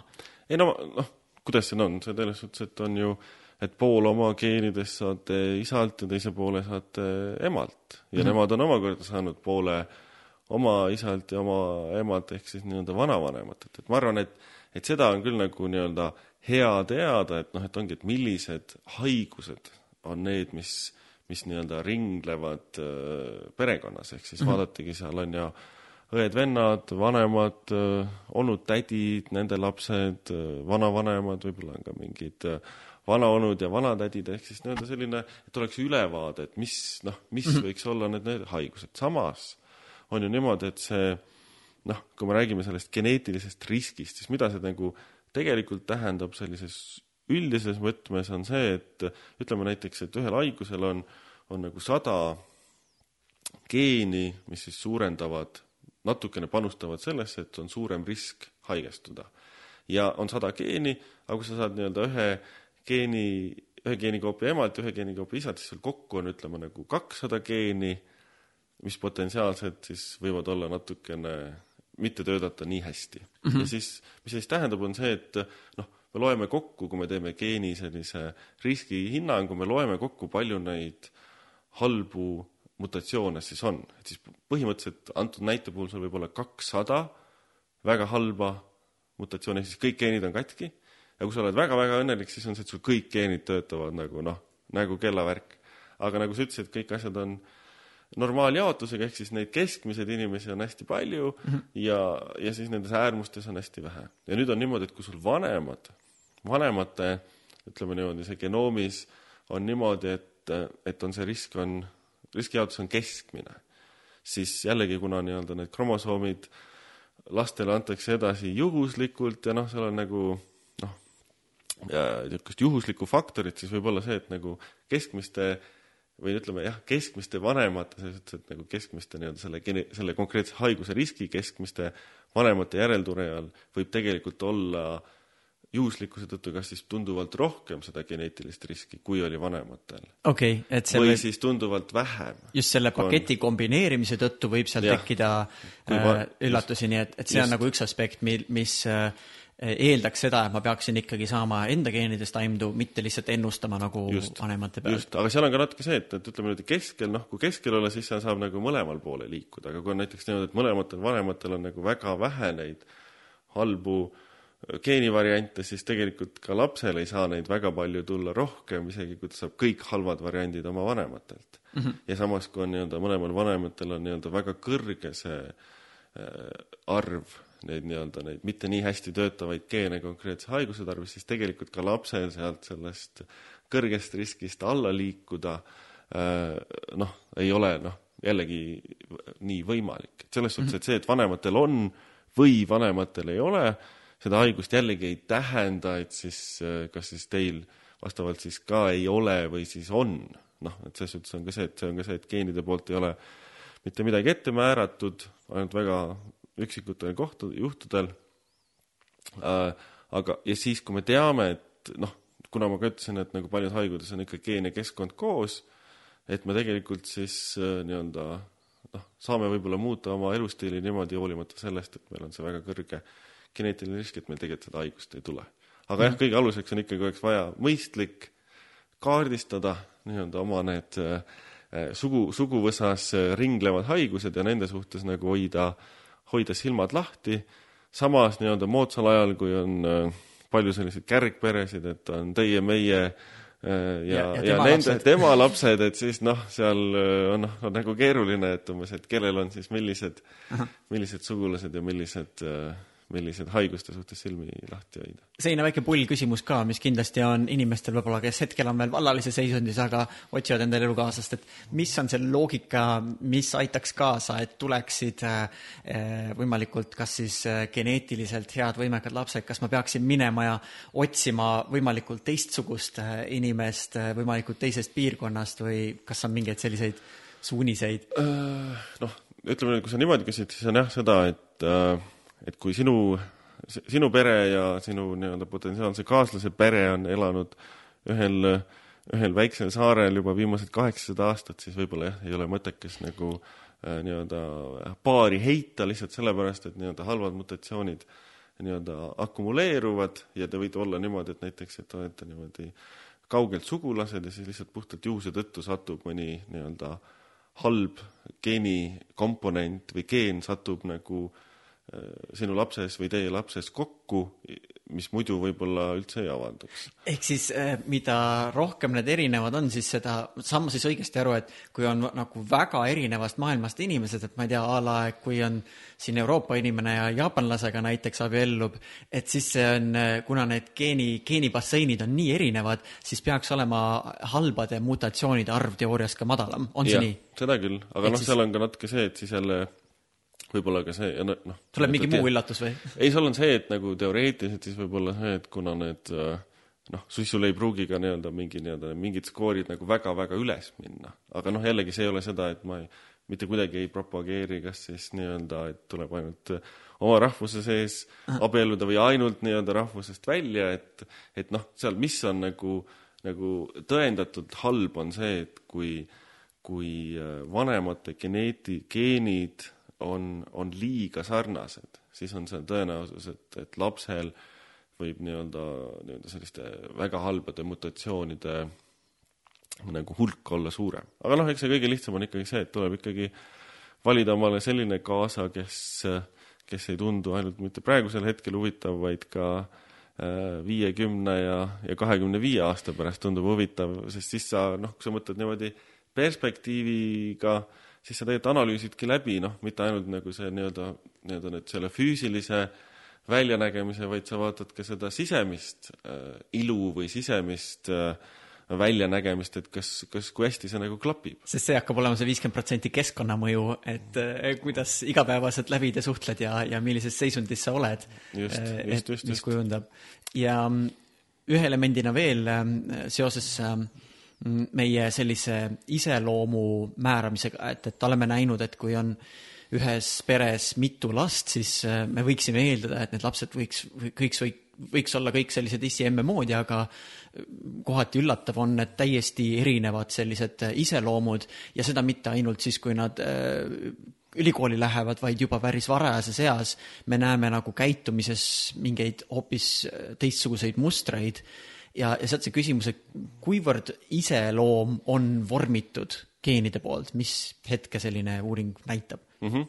võib-olla ka vaataks natuke nagu laiemalt, et noh, näiteks vaimsed võimed, et samamoodi, et seal vaimsed võimed on noh, on ma ütleks üks kõige suurema geneetilise komponendiga, sama nagu pikkus ja, ja ma ütleks, et nagu kui need iseloomuomadused, siis see nii-öelda see nii-öelda pärilikkuse komponent on seal suurusjärgus ütleme kakskümmend viis kuni ütleme nelikümmend protsenti, ehk siis ta ikkagi tuleb noh, geenides on ikkagi see, see nagu tuleb geenidest ja geenidest mõnes mõttes on ka ju mõjutatud see, et kas me eelistame elada äh, linnas või maal, sest nii-öelda meie isikuomadus on osaliselt määratud äh, päriselt meil ongi siis nagu geneetiliselt määratud, et kellele sobiks kus elada? ei, ma selles, ma ei, kui sa nüüd küsid, et on ju, ütle mulle, mis need geenid okay. seal on siis vist ühtegi nagu uuringut võib-olla niimoodi ei ole tehtud, et nii-öelda linnainimesed versus maainimesed. aga see võib olla see, et kes tahab rohkem nagu stimulatsiooni saada ja ke- kes kannatab sellist rohkem koormavat keskkonda versus kes äh, tahab olla rohkem sellises rahus ja sealt tuleb siis see eelistus, kas linn või maa., just, et see, et, et see nagu niimoodi, niimoodi on, aga nüüd on ju, et miks äh, lapsed on ikkagi nagu erinevad, on see, et et kuigi äh, noh, pool geneetilisest informatsioonist tuleb emalt ja pool isalt, on see ikkagi natuke teine kombo mm -hmm. nagu erinevatel lastel ja seal võibki olla näiteks see, et noh, et need erinevad iseloomu omadusi määravad geenid, et lihtsalt mõnel lapsel on näiteks suurem selline nii-öelda ekstrovertsuse äh, laadung või noh, nii-öelda see skoor ja, ja ühel teisel lapsel on natuke kõrgem see introvertsuse skoor ja mõnel teisel on võib-olla kindlameelsust rohkem ja, ja, ja, ja, ja neljandal võib-olla hoopis nagu avatust rohkem ja sellepärast see nagu äh, nii-öelda määrabki natuke seda, et mille suhtes nad siis äh, võib-olla nagu niimoodi rohkem äh, kalduvad, aga seal ju mängib ka väga palju rolli see, et on ju, mis on nii-öelda see sünni, sündimise järjekord ja, ja millised juhtuvad olema nagu äh, sõbrad ja, ja milline mm -hmm. juhtub olema nii-öelda see klass või trenn või ja, ja et ma arvan, et ka, et ka lapsevanem ise võib natukene nii-öelda noh, erinevalt suhtuda, et esimest laps, last ikka niimoodi nii-öelda üle nunnutatakse ja, ja viimase jaoks on tegelikult nagu noh, väga palju enam aega ei jää, sest juba need vanemad lapsed neid ka nagu kantseldavad ja noh mm -hmm., et selles suhtes, et noh, saab nagu hakkama, et ka see nagu, see ongi nagu mm -hmm. see keskkond. aga mis selle geenide, vanemate geenid versus lapse, laste geenid, mis on nagu huvitav, on see, et näiteks äh, nii-öelda vaimsed võimsed, võimed, mida äh, üldjuhul tänapäeval kaardistatakse siis läbi selle, et, et mitu aastat on koolis käidud või kui kaugel on äh, koolihariduses jõutud, et oota, kas see ongi nagu mõõdik või marker, et on... vaadatakse vaimsete võimete puhul markeriks äh, haridusastet, et kas jõudis magistri- või doktorikraadini? jah, või kas okay. põhikool sai või lõpetatud või ehk siis kui pühendunult ta oli formaalses akadeemilises õppes? Äh, nojah, eks seal on, noh, võib nii öelda, et eks, eks see on kombinatsioon, ütleme sellist nii-öelda intelligentsusest ja emotsionaalsest intelligentsusest ja nii-öelda isiksuse tüüpidest ja mm -hmm ja siis nii-öelda mingitest mäluvõimest ja, ja, ja noh, see on kombinatsioon kõigest, aga noh, see on mm, -hmm. sest noh, jällegi on see, et nagu ma ütlesin, arutasime enne, et vaja väga suuri valimeid äh, ja teha intelligentsuse testi paljudele on väga kulukas mm. -hmm. Äh, see noh, võtab kaheksa tundi, noh, sa ei saa kogu miljoni inimesele IQ testi teha, noh, see on üüratu äh,. ehk siis noh, kasutatakse seda nii-öelda kooliharidust kui sellist äh, nii-öelda vaimsete võimete indikaatorit, sest see kõigil on olemas ja kõigil on see kogutud ja noh, väga lihtne, samamoodi nagu pikkus, kõik teavad millimeetri pealt, et kui pikad nad äh, on. ja, ja mis sealt uuringutest tuleb nagu välja, mis on nagu päris huvitav, on see, et noh, et pooled oma geneetilisest äh, potent-, noh, informatsioonist annab ju vanem lapsele edasi, aga ka see pool geenidest, mis lapsele edasi ei anta, ka see pool tegelikult äh, nii-öelda toetab seda lapse noh, näiteks äh, paremaid vaimseid võimeid. tundub nagu huvitav, et kuidas Oota, see sa mõtled selles mõttes, et mis ei tule kaasa, et see võib aidata ah,, et just mingi omaduse puudumine võib aidata vaimseid võimeid, saan ma õigesti aru? ei, ei, see on rohkem nagu see, et ütleme nagu et kui, ütleme näiteks, et kui isa ei anna kõiki oma häid nii-öelda vaimsete võimete geene lapsele edasi, siis tegelikult need, see osa sellest, nendest geenidest, mis isa ei anna lapsele edasi, tegelikult ta äh, kompenseerib selle sellega, et ta tegelikult loob lapsele väga hea nii-öelda keskkonna, mis mm. võimaldab noh, mm. et loob ah, selle okay. soodsa pinnase. ja, et kuna isas endas on need omadused olemas, need käitumismustrid ja tegevused, siis ta keskkonnaga jah, kompenseerib. just, just ah,, et see on selline nagu väga huvitav, et see oli jah, nagu Islandil Islandil tehtud suur uuring, et neil on seal suur biopank ja seal noh, on need olemas kõik, kõik sugupuud ja värgid ja särgid ja seal nad said nagu hinnata seda, et noh, et see, et noh, et, et, et see komponent, mis siis nii-öelda lapsele nii-öelda reaalselt edasi antakse versus siis see komponent geenidest, mis siis edasi ei anta, et kuidas mm -hmm. siis need omavahel suhestuvad ja kas nad on sõltumatud ja seal jah, et selles suhtes nagu äh, noh, et see teeb nagu kogu selle geenide kontseptsiooni nagu veel, veel teed huvitavamaks, ei ole ainult nagu see, need geenid ei, ei, ei määra sinu kujunemist, mis sulle reaalselt nagu kaasa antakse, vaid tegelikult ka kõik need geenid, mis seal nii-öelda peres, peres paketina igapäevaselt pak sinuga just suhestuvad. just, et on ju need vanemate, vanemate geenid ja siis õdede-vendade geenid, et see kõik on selline, kõik on nagu niisugune väga huvitav, aga noh, jällegi geenide poolt tegelikult äh, Äh, väga tugevalt määratud see, et kas te eelistate õppida reaalaineid või, või humanitaaraineid ja isegi see, et on ju, et mis, millise õppeaine te valite lõpueksami sooritamiseks aga noh, jällegi see tuleb selliselt nii-öelda kombona natukene, aga sa siiski, sa ütled, et see on ei, natuke siis nagu geenis kuidagi ei, ma ütlen, ei see on rohkem nagu see noh, et see on tegelikult nii-öelda see past performance'i pealt, et selles suhtes, et sa valid ikkagi selle õppeaine või selle eriala, mis sind huvitab ja milles sa oled hea.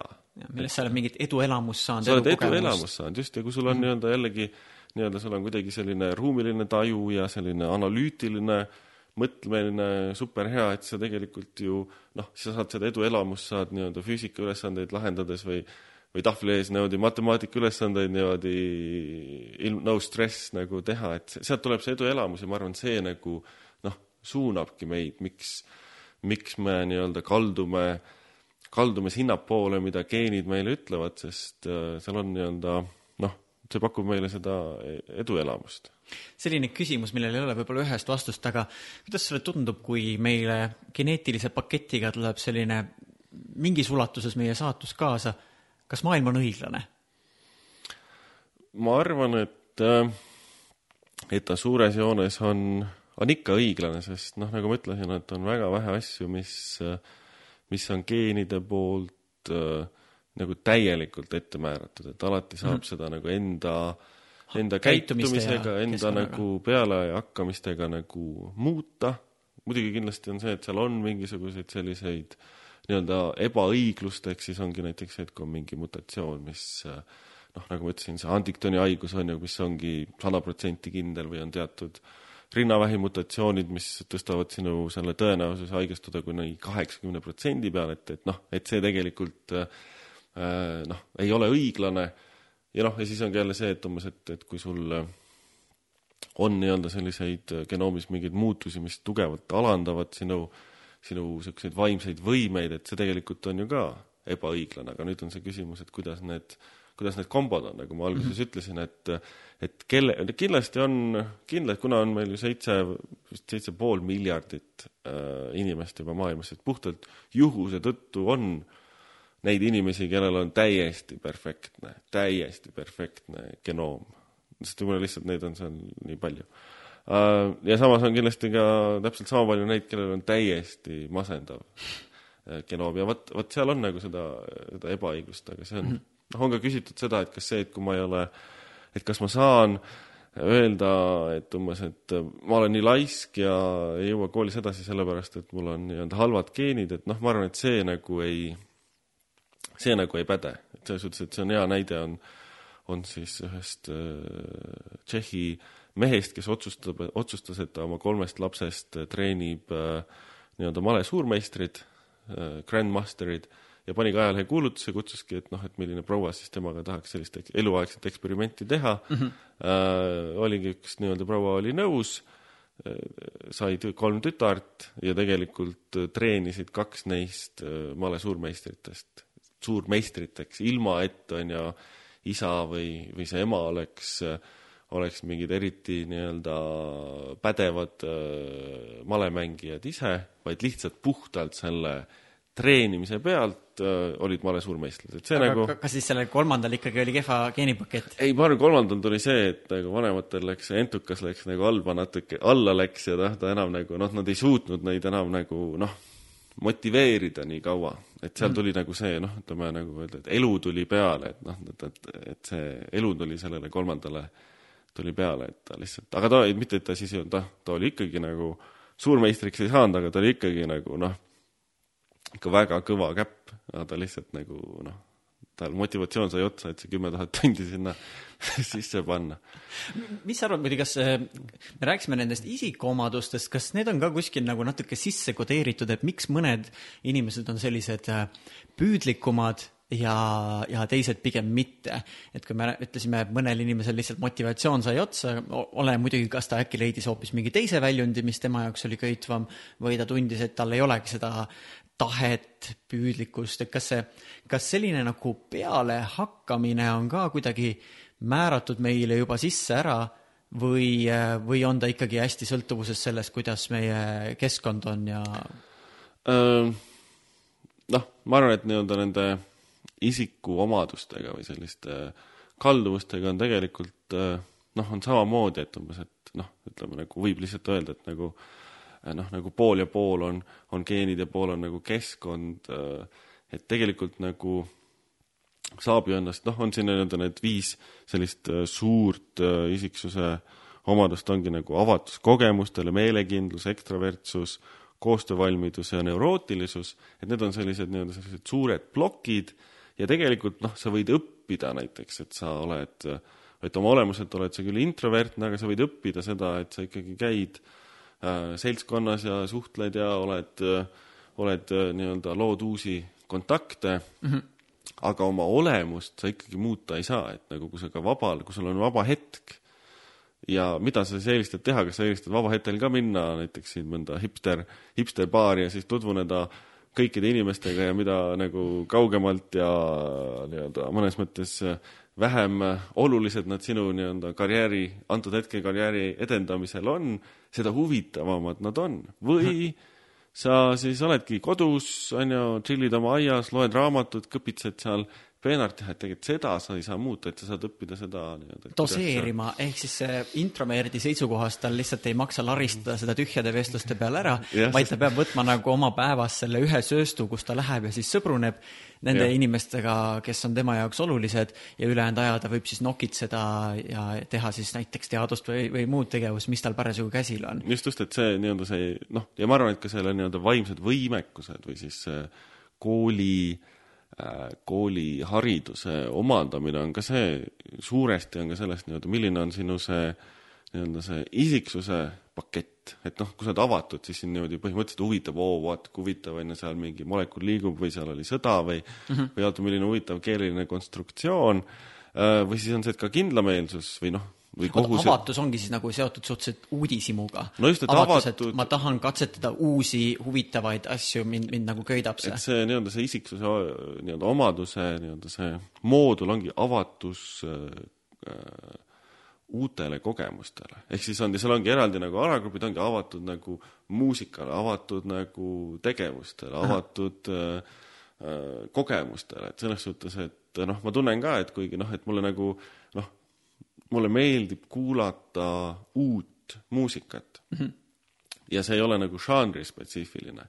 et sellest mulle väga meeldib ei tee siin reklaami, aga näiteks meil noh, Rahvusringhääling, noh, Raadio kaks on selles suhtes nagu ideaalne, et neil tuleb kogu aeg uut muusikat ja mm -hmm. uut muusikat kolmsada kuuskümmend kraadi mm. -hmm. ja, ja see mulle noh, aga samas ma satun vahest tsüklisse, mõnest loost tahan kuulata seda viiskümmend viis korda, aga mulle põhimõtteliselt meeldib nagu selline kogu aeg uute lugude sissetulek, samamoodi nagu uus, uus kunst ja sellepärast võib-olla see on ka see, et on ju, miks nagu põhimõtteliselt meeldivad nii-öelda uued äh, projektid, uued mõtted, uued väljakutsed, sest see kõik on uus, ta ei ja ole igav. mõnes mõttes ongi siis võib-olla selle sellise ettevõtlikkuse jaoks on see avatus üks element, teatud määral võimekus olla sobivas hetkes ekstravertsem, et inimestega suhelda, aga mulle tundub, et see avatus võib-olla on see nagu see kõige, kõige põnevam asi, sest see on minu meelest see käivitav jõud, et see on see esimene eeldus, et sa üldse läheksid midagi proovima, midagi tegema. just, just, just. aga samas sinna sisse, sinna sisse tuleb ka ju nii-öelda nagu meelekindlus, ehk siis on see, et kui sa oled nii-öelda otsustanud, et vaat, et sa nüüd teed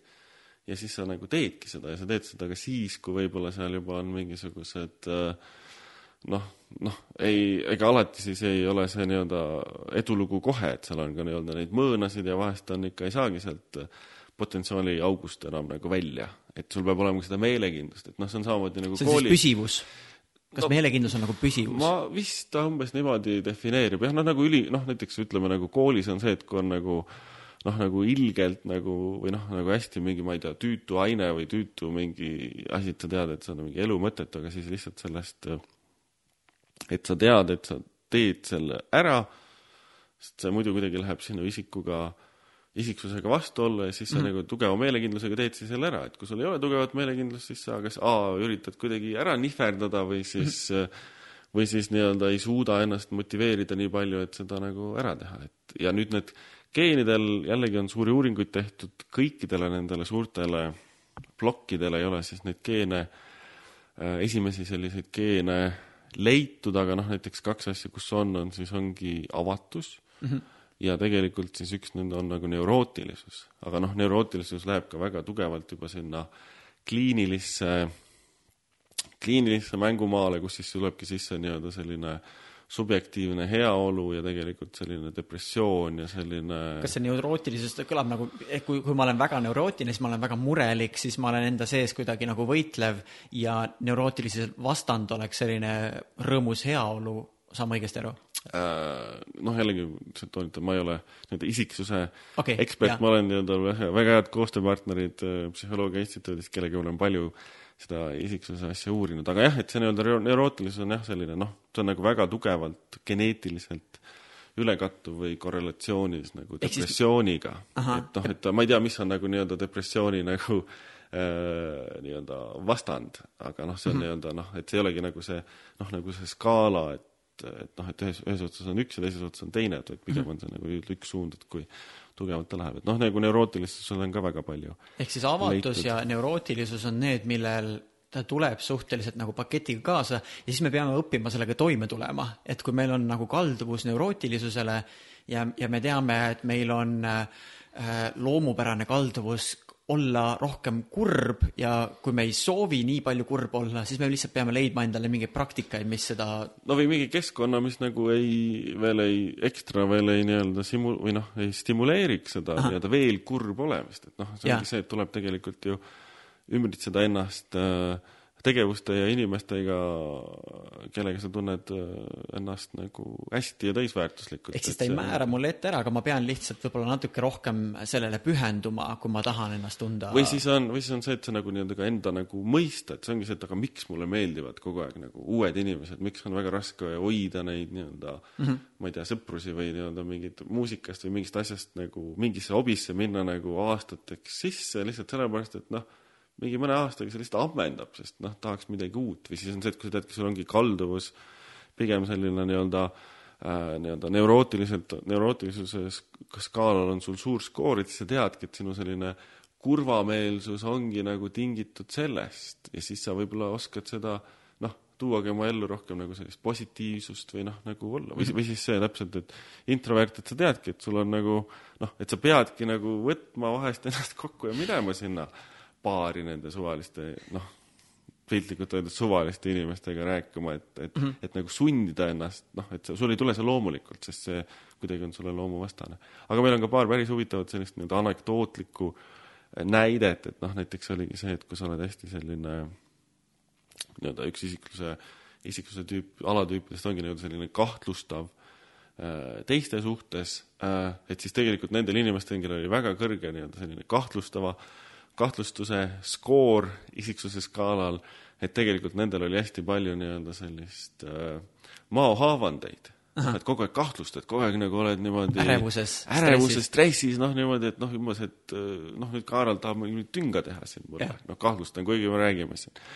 või noh, aga sul on maohaavad, et selles suhtes kuidagi noh, et pritsid sappi, vaata, et noh, vanarahvas pritsib sappi ja siis noh, tegelikult noh, tekibki sul mahahaavad.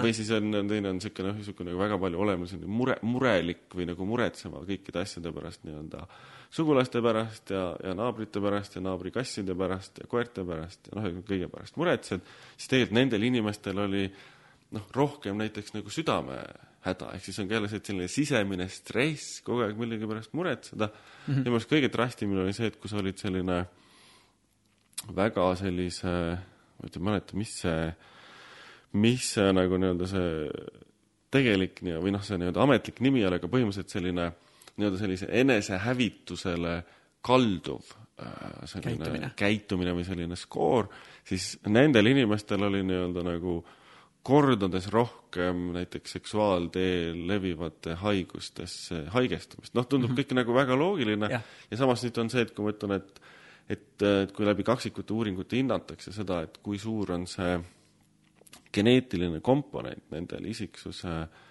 omadustel, siis ta tegelikult on noh, niisugune suhteliselt suur, kakskümmend viis kuni, kuni viiskümmend protsenti. et siis noh, ka on jälle see et küsimus, et kui palju see noh, kas on siis ette määratud või ta ei ole ette määratud või kui palju me saame seda muuta, et siin on noh, sellistes äh, noh, et ma ütleks, et see elu ei ole nii must ja valge, et see kõik on jaa. selline keerulisem ja, ja inimene peab nagu noh, ega moodsas meditsiinis ongi nagu nii-öelda selline uus kontseptsioon ongi see, et tegelikult nagu et kui tänapäeval on niimoodi, et, et, et, et patsient on nagu nii-öelda klient ja peab saama seda täisteenust, et tegelikult äh, edaspidi ta peaks olema rohkem nagu selline, et patsient või inimene peaks olema nagu rohkem ka kaasatud. või enda, iseenda hooldaja. iseenda hooldaja jah, ei ole see, et nagu umbes, et, et, et, et, et niimoodi, et sa lähed arsti juurde ja siis arst on süüdi, et sina oled haige ja nüüd on arsti ülesanne sind teha terveks mm, -hmm. vaid tegelikult sinu enda äh, vastutus on see, et sa annaksid endast parima, et sa püsiksid terve ja siis arst saab sind kas selles toetada või, või, või nagu nii-öelda aidata, et see on noh, see on ka lihtsalt nagu, peab toimuma nagu paradigma muutus, sest noh, nii-öelda Euroopas vähemalt on ju elanikkond on nii-öelda tugevalt vananev, samas nii-öelda, nii-öelda see elatustase või palgad nagu lähevad nagu üles ja me oleme kõik harjunud sellise äh, hea eluga niimoodi, et kõik oleks kättesaadav, mugavused, äh, et tegelikult see praegune tervishoiusüsteem lihtsalt ei suuda seda noh, üleval hoida seda mm -hmm. nii-öelda noh, me ei jõua lihtsalt sinuga nii palju makse maksta.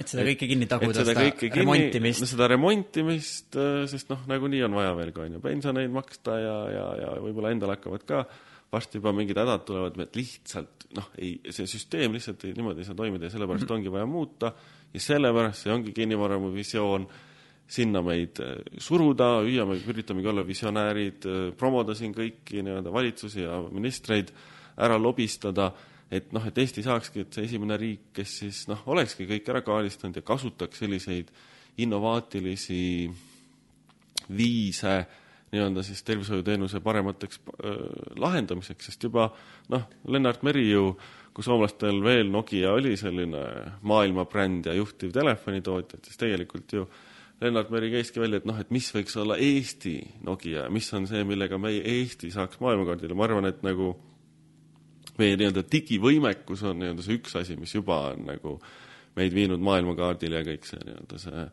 krüpto, krüptoturvalisus ja, ja cyber security ja noh, ID-kaardid, andmebaasid, kõik see juba on. aga mm. ma arvan, et nii-öelda teine visaart, visiitkaart, mis sinna nii-öelda, mis sellele süsteemile väga palju toetub, võikski olla nii-öelda selline nii-öelda geenimeditsiin, no geenimeditsiin on just niisugune personaalne lähenemine ja nii-öelda mm -hmm. geeniandmete selline väga uudne ja innovaatiline kasutamine, sest see lõpuks on see, et on ju, tekivad paremad äh, tervishoiuteenused, on ju, enam ei ennustata nii-öelda meie haigust käe pealt, vaid, vaid vaadatakse meie sisse. Äh, see võimaldaks teha teadustööd, aga tegelikult lõpuks on ka see, et mis ju äh, teadlasele võib tunduda natuke selline noh, eemale tõukav, aga, aga sinu kui nii-öelda majandusharidusega inimesel on ju tegelikult on see, et on ka nii-öelda uued tootused, tooted ja teenused ja nii-öelda era, erasektori nii-öelda selline äh, äh, uus, uus minek, et võib-olla kui nii-öelda sellise andmebaasi pealt tekiks äh,, tekiks palju sellist nii-öelda know-how'd, IP-d äh,, aga ka teadmisi, mis siis tooks tegelikult siia Eestisse selliseid äh, maksejõulisi äh, firmasid, mis siis nii-öelda kasutaks kogu seda meie ajupotentsiaali ära ja siis võib-olla lahendaks ka selle nii-öelda teadusrahastuse probleemi, et ei ole ainult see, et teadlased ainult nõuavad raha, vaid tegelikult siis omandades doktorikraadi hakkavad ise seda nii-öelda neid vahendeid äh, riigile looma, et, et, et teha üha uut ja paremat teadust.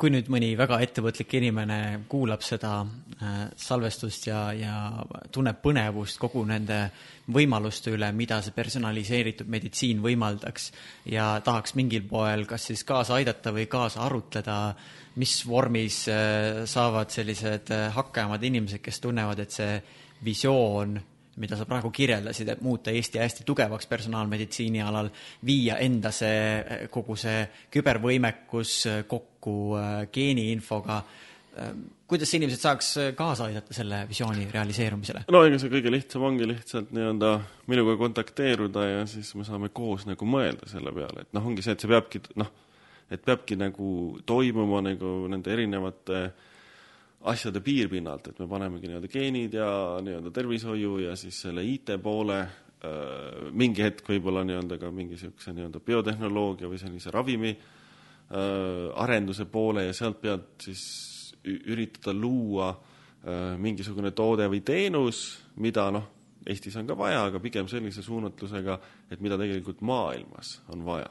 Mm.. ja noh, tegelikult kõik Eesti edukad äh, startup'id äh, on ju kõik nii-öelda oma sellise nii-öelda visiooni või, või mõttelaadiga, et nad ei ole suunatud mitte Eesti turule, vaid globaalsele turule. ja siin on nagu samamoodi ja noh, seal ideid on erinevaid, kas või nii-öelda selline nii-öelda äh, mittetraditsiooniline kiirendi, mis tugineb nagu niimoodi andmetele, et, et inimesed saaks nii-öelda siis reaal, rea-, reaalsete päriselu andmete pealt õppida, milliseid, äh, millised on vajadused ja milliseid äh, tooteid ja teenuseid arendada ja, ja testida nagu reaalelu andmete pealt. aga noh, et selles suhtes jah, et, et kes sina oled avatud ühesõnaga? mina olen nagu avatud mis su, ja mis su meiliaadress on, kus siis võib kontakteeruda, kes tunneb, et tahaks sulle kas siis pitch ida mingit mõtet või siis, või siis vähemalt, kes tunneb nagu, tahab kaasa aidata selle visiooni kujunemisele? et email on väga lihtne, et ongi tonu.esko at ut.ee ehk siis universitytartuensis.ee.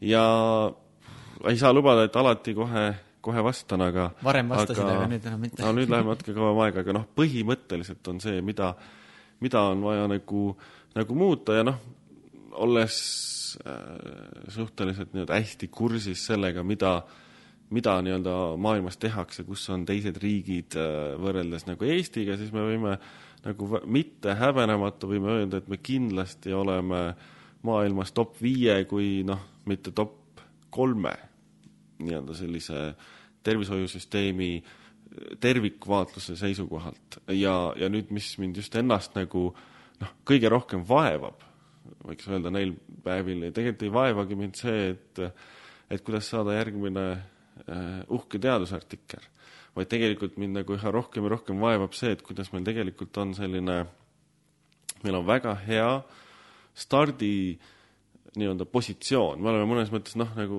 ma ei tea, kaheksasaja meetri peal me oleme seal juba esimese saja peal on, on meie pakku, teised on seal on ju finišis. aga nüüd on see, et kui me nagu seda ja meil on nagu noh, ja kell jookseb, mingi hetk on ju, käib see nii-öelda stardipauk ja mm -hmm. siis noh, me võime startida, aga kui me ka selle stardi maha magama, siis meil noh, seda edu nagu kahaneb ja kahaneb.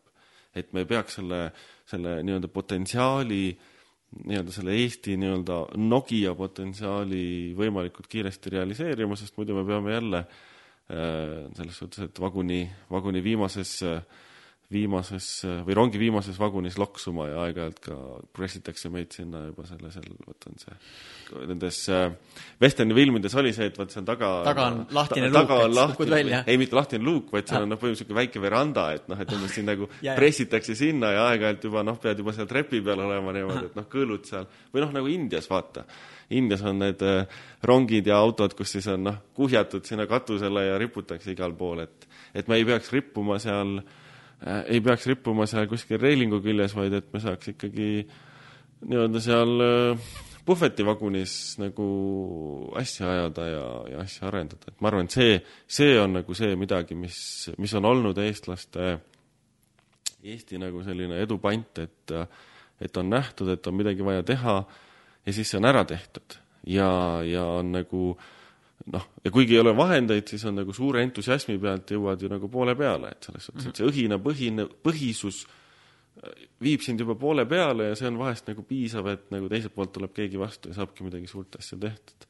aga ma natuke tunnen, et inimesed, head Eesti inimesed hakkavad juba natuke, hakkavad nagu ära väsima, et see selline, see õhina põhisus öö, äh, hakkab nagu langema, aga samas ja noh, need uued uued äh, noored põlvkonnad on natuke sellise, on nagu vähem sellise ärategemise ja sellise suurelt tegemisest võib-olla irdunud äh, ja pigem nagu keskenduvad sellistele enda hetketulemustele hetketulemustele, jah. sest see on, sest kui nüüd võtta kogu see geeni arutelu kokku, siis ta on selline suur ambitsioonikas projekt, mille viljasid me hakkame kogema alles noh, mingi intervalli, mingi aja pärast, et me ei saa seda, sest, sest me peame neid suurt andmehulka analüüsima.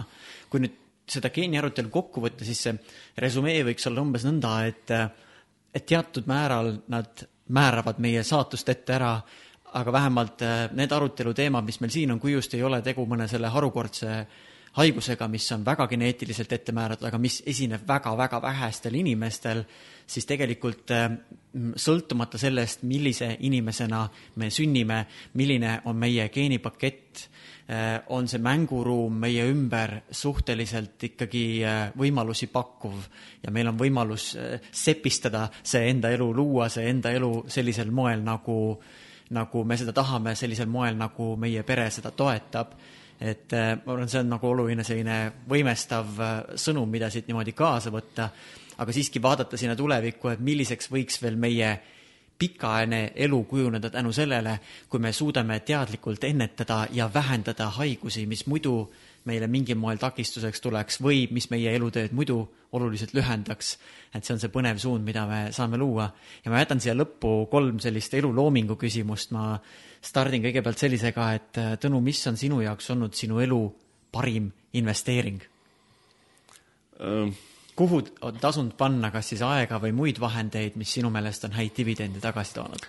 ei, ma arvan, et see lihtsalt ongi sellesse äh, teadusesse, et tegelikult nii-öelda see, et ma olen, vähemalt ma ise tunnen niimoodi pühendunult töötanud siin äh, noh, rohkem kui kümme aastat nii-öelda geenivaramu, äh, geenivaramu heaks või ütleme, geenivaramuga tegelikult noh, on, on toonud need sellise positsiooni, et sa, sa tead asjadest ja tegelikult ka sul on nii-öelda tuntud, tuntus, mille pealt sa saad nii-öelda selliseid uusi ja innovaatilisi asju ellu viia. et noh, laiemalt võiks ju ka öelda, et see investeering on nagu äh, võiks ju olla noh, nii-öelda enda harimisse, aga noh, nii-öelda mm. väga spetsiifiliselt, noh, ma võin öelda, et siin on ka selliseid nii-öelda tagasilööke tulnud sellest, et on ju, et sa nii palju fokusseerid ennast ühele sellisele natuke sellise suure, suuremale kui elule, suurem kui elu eesmärgile äh,. aga ma ise tunnen, et noh, et see on, see on nagu viinud meid sinna, kus, kus me praegu oleme. mille poolest sa tahad inimestele meelde jääda? kas siis mingi saavutuse poolest või selle poolest, milline, milliseks inimeseks sa oled saanud? ma arvan, et äh, et noh, muidugi alguses on, on ju see, et sa tahad millegi, mingite saavutuste poolest jääda inimeste meelde, et siis nad teavad, oo, vaat see on see tüüp, on ju, tegi seda ja seda ja noh, et hästi ei julgegi temaga rääkida, aga tegelikult ma arvan, et mis on ikkagi tegelikult oluline, et ma tahaks ikkagi äh, jääda inimestele meelde kui selline nii-öelda nice chap, ehk siis nii-öelda selline äh, mõnus, äh, mõnus tüüp, kes, kellega on nagu tore asju koos teha, keda saab nagu usaldada ja kes, kes kogu selle tõsise tõsise elu juures ei, elu juures ei muutu liiga tõsiseks, sest nii-öelda selline, selline väike fun peab igasse asja alles jääma, sest kui sa hakkad liiga nagu niimoodi pressima, siis, siis kaob see fun sealt ära ja siis kaob ka see, see õhi, õhinapõhisus ja, ja siis noh, siis me ei saavutagi midagi. ja finaalküsimus, kui sa saaksid kirjutada kusagile suurelt seinale mingi sõnumi, mida inimesed igapäevaselt näeksid või loeksid, mis mingil moel innustaks neid kuidagi edasi liikuma, kujunema või millelegi tähelepanu pöörama? mis sõnumi? Äh, noh, ma arvan, et seal võiks, noh, ma siin mõtlesin kiiresti, kaks tegelikult võiks olla, et üks võiks olla selline, selline lühike, et nii-öelda genes matter. geenid määravad. geenid määravad või geenid loevad äh, ma arvan, et see on selline lihtne ja tegelikult nagu väga niimoodi noh, väga paljusti mõistetav. ja teine pool tegelikult on, ma arvan, et äh, kui noh, ikkagi jään siia geenide juurde, et siis tegelikult võiks olla midagi sellist, et noh, et ela, ela oma elu enda geenide järgi. et selles suhtes, et et, et, et, et võta oma geenidest nagu maksimum. et ma arvan, et see on just see, et see noh, nagu me siin oleme, arutlesime juba pikalt, et et midagi ei ole nagu äh, nagu ette määratud, aga samas seal võivad olla nagu mingisugused nii-öelda äh, asjad, mis, milles sa võid olla natuke tugevam, tugevam kui teistel ja siis nii-öelda keskendu nendele ja, ja mitte väga ei maksa ennast lasta morjendada, et siis ei ole neid, neid teisi asju, sest, sest kui me vaatame enda sisse, siis, siis lõpuks me tahame teha neid asju ja me oleme paremad nendes asjades, mis meilt kuidagi tulevad loomulikult. et, et, et me peaks jah, üritama olla meie ise, võib-olla, või siis isegi jah, loosung, et on ole sina ise veel nagu üldisem kui genes matter see läheb äkki võib-olla isegi liiga üldiseks, siis me, mõtleme, me oleme samamoodi, tšillime edasi kuskil ja lohistame niisama, aga, aga, aga see püüdlus, see otsing selle, selle järele, mis meie geeni, geenides on kirjas, see võime, mis ei ole veel avaldunud, see võiks olla päris põnev sõiklus, mida Just, teha. et selline püüdlus sellise isikliku täiuslikkuseni, mis tegelikult ei ole, noh, mis on geenide ja keskkonnaga äh, kooskõlas ja noh, see ja siis see täiuslikkuse tase on, on igal iga inimesel erinev, aga noh, lihtsalt on see, et meie, et me teaksime, et me oleme elanud hea elu äh, ja, ja väärtuslikku elu aitäh, see on Tõnu Esko, kes, äh, kelle juures me täna olime külas. Tõnuga rääkisime siis geenidest ja kui tahad uurida geenivaldkonnast veel lähemalt, vaata geenivaramu, guugelda, nende lehe peal on ilmselt sellist veel äh, põhjalikumat infot ja ma ühtlasi palun Tõnul teha sellised eh, kümme fakti, mida sa peaksid teadma geenide kohta ja sa leiad need eh, inspiratsioon.ee lehelt, kus on meie show märkmed ja ehk ka mõningaid lisaviiteid, mida uurida, kui tekib soov rohkem süvitsi minna. selline oli Eluloomingu saate salvestus, kohtumiseni juba uues salvestuses, seni ela enda parimal moel lähtuvalt enda geenipotentsiaalist ja täna, kui sa nüüd lähed pärast seda salvestust tegutsema, siis hakka lihtsalt teadvustama, kuidas sinu käitumine, sinu tegevused võiksid aidata kaasa sellele, et sinu parim osa sinu geenipaketist avalduks. jah, aitäh!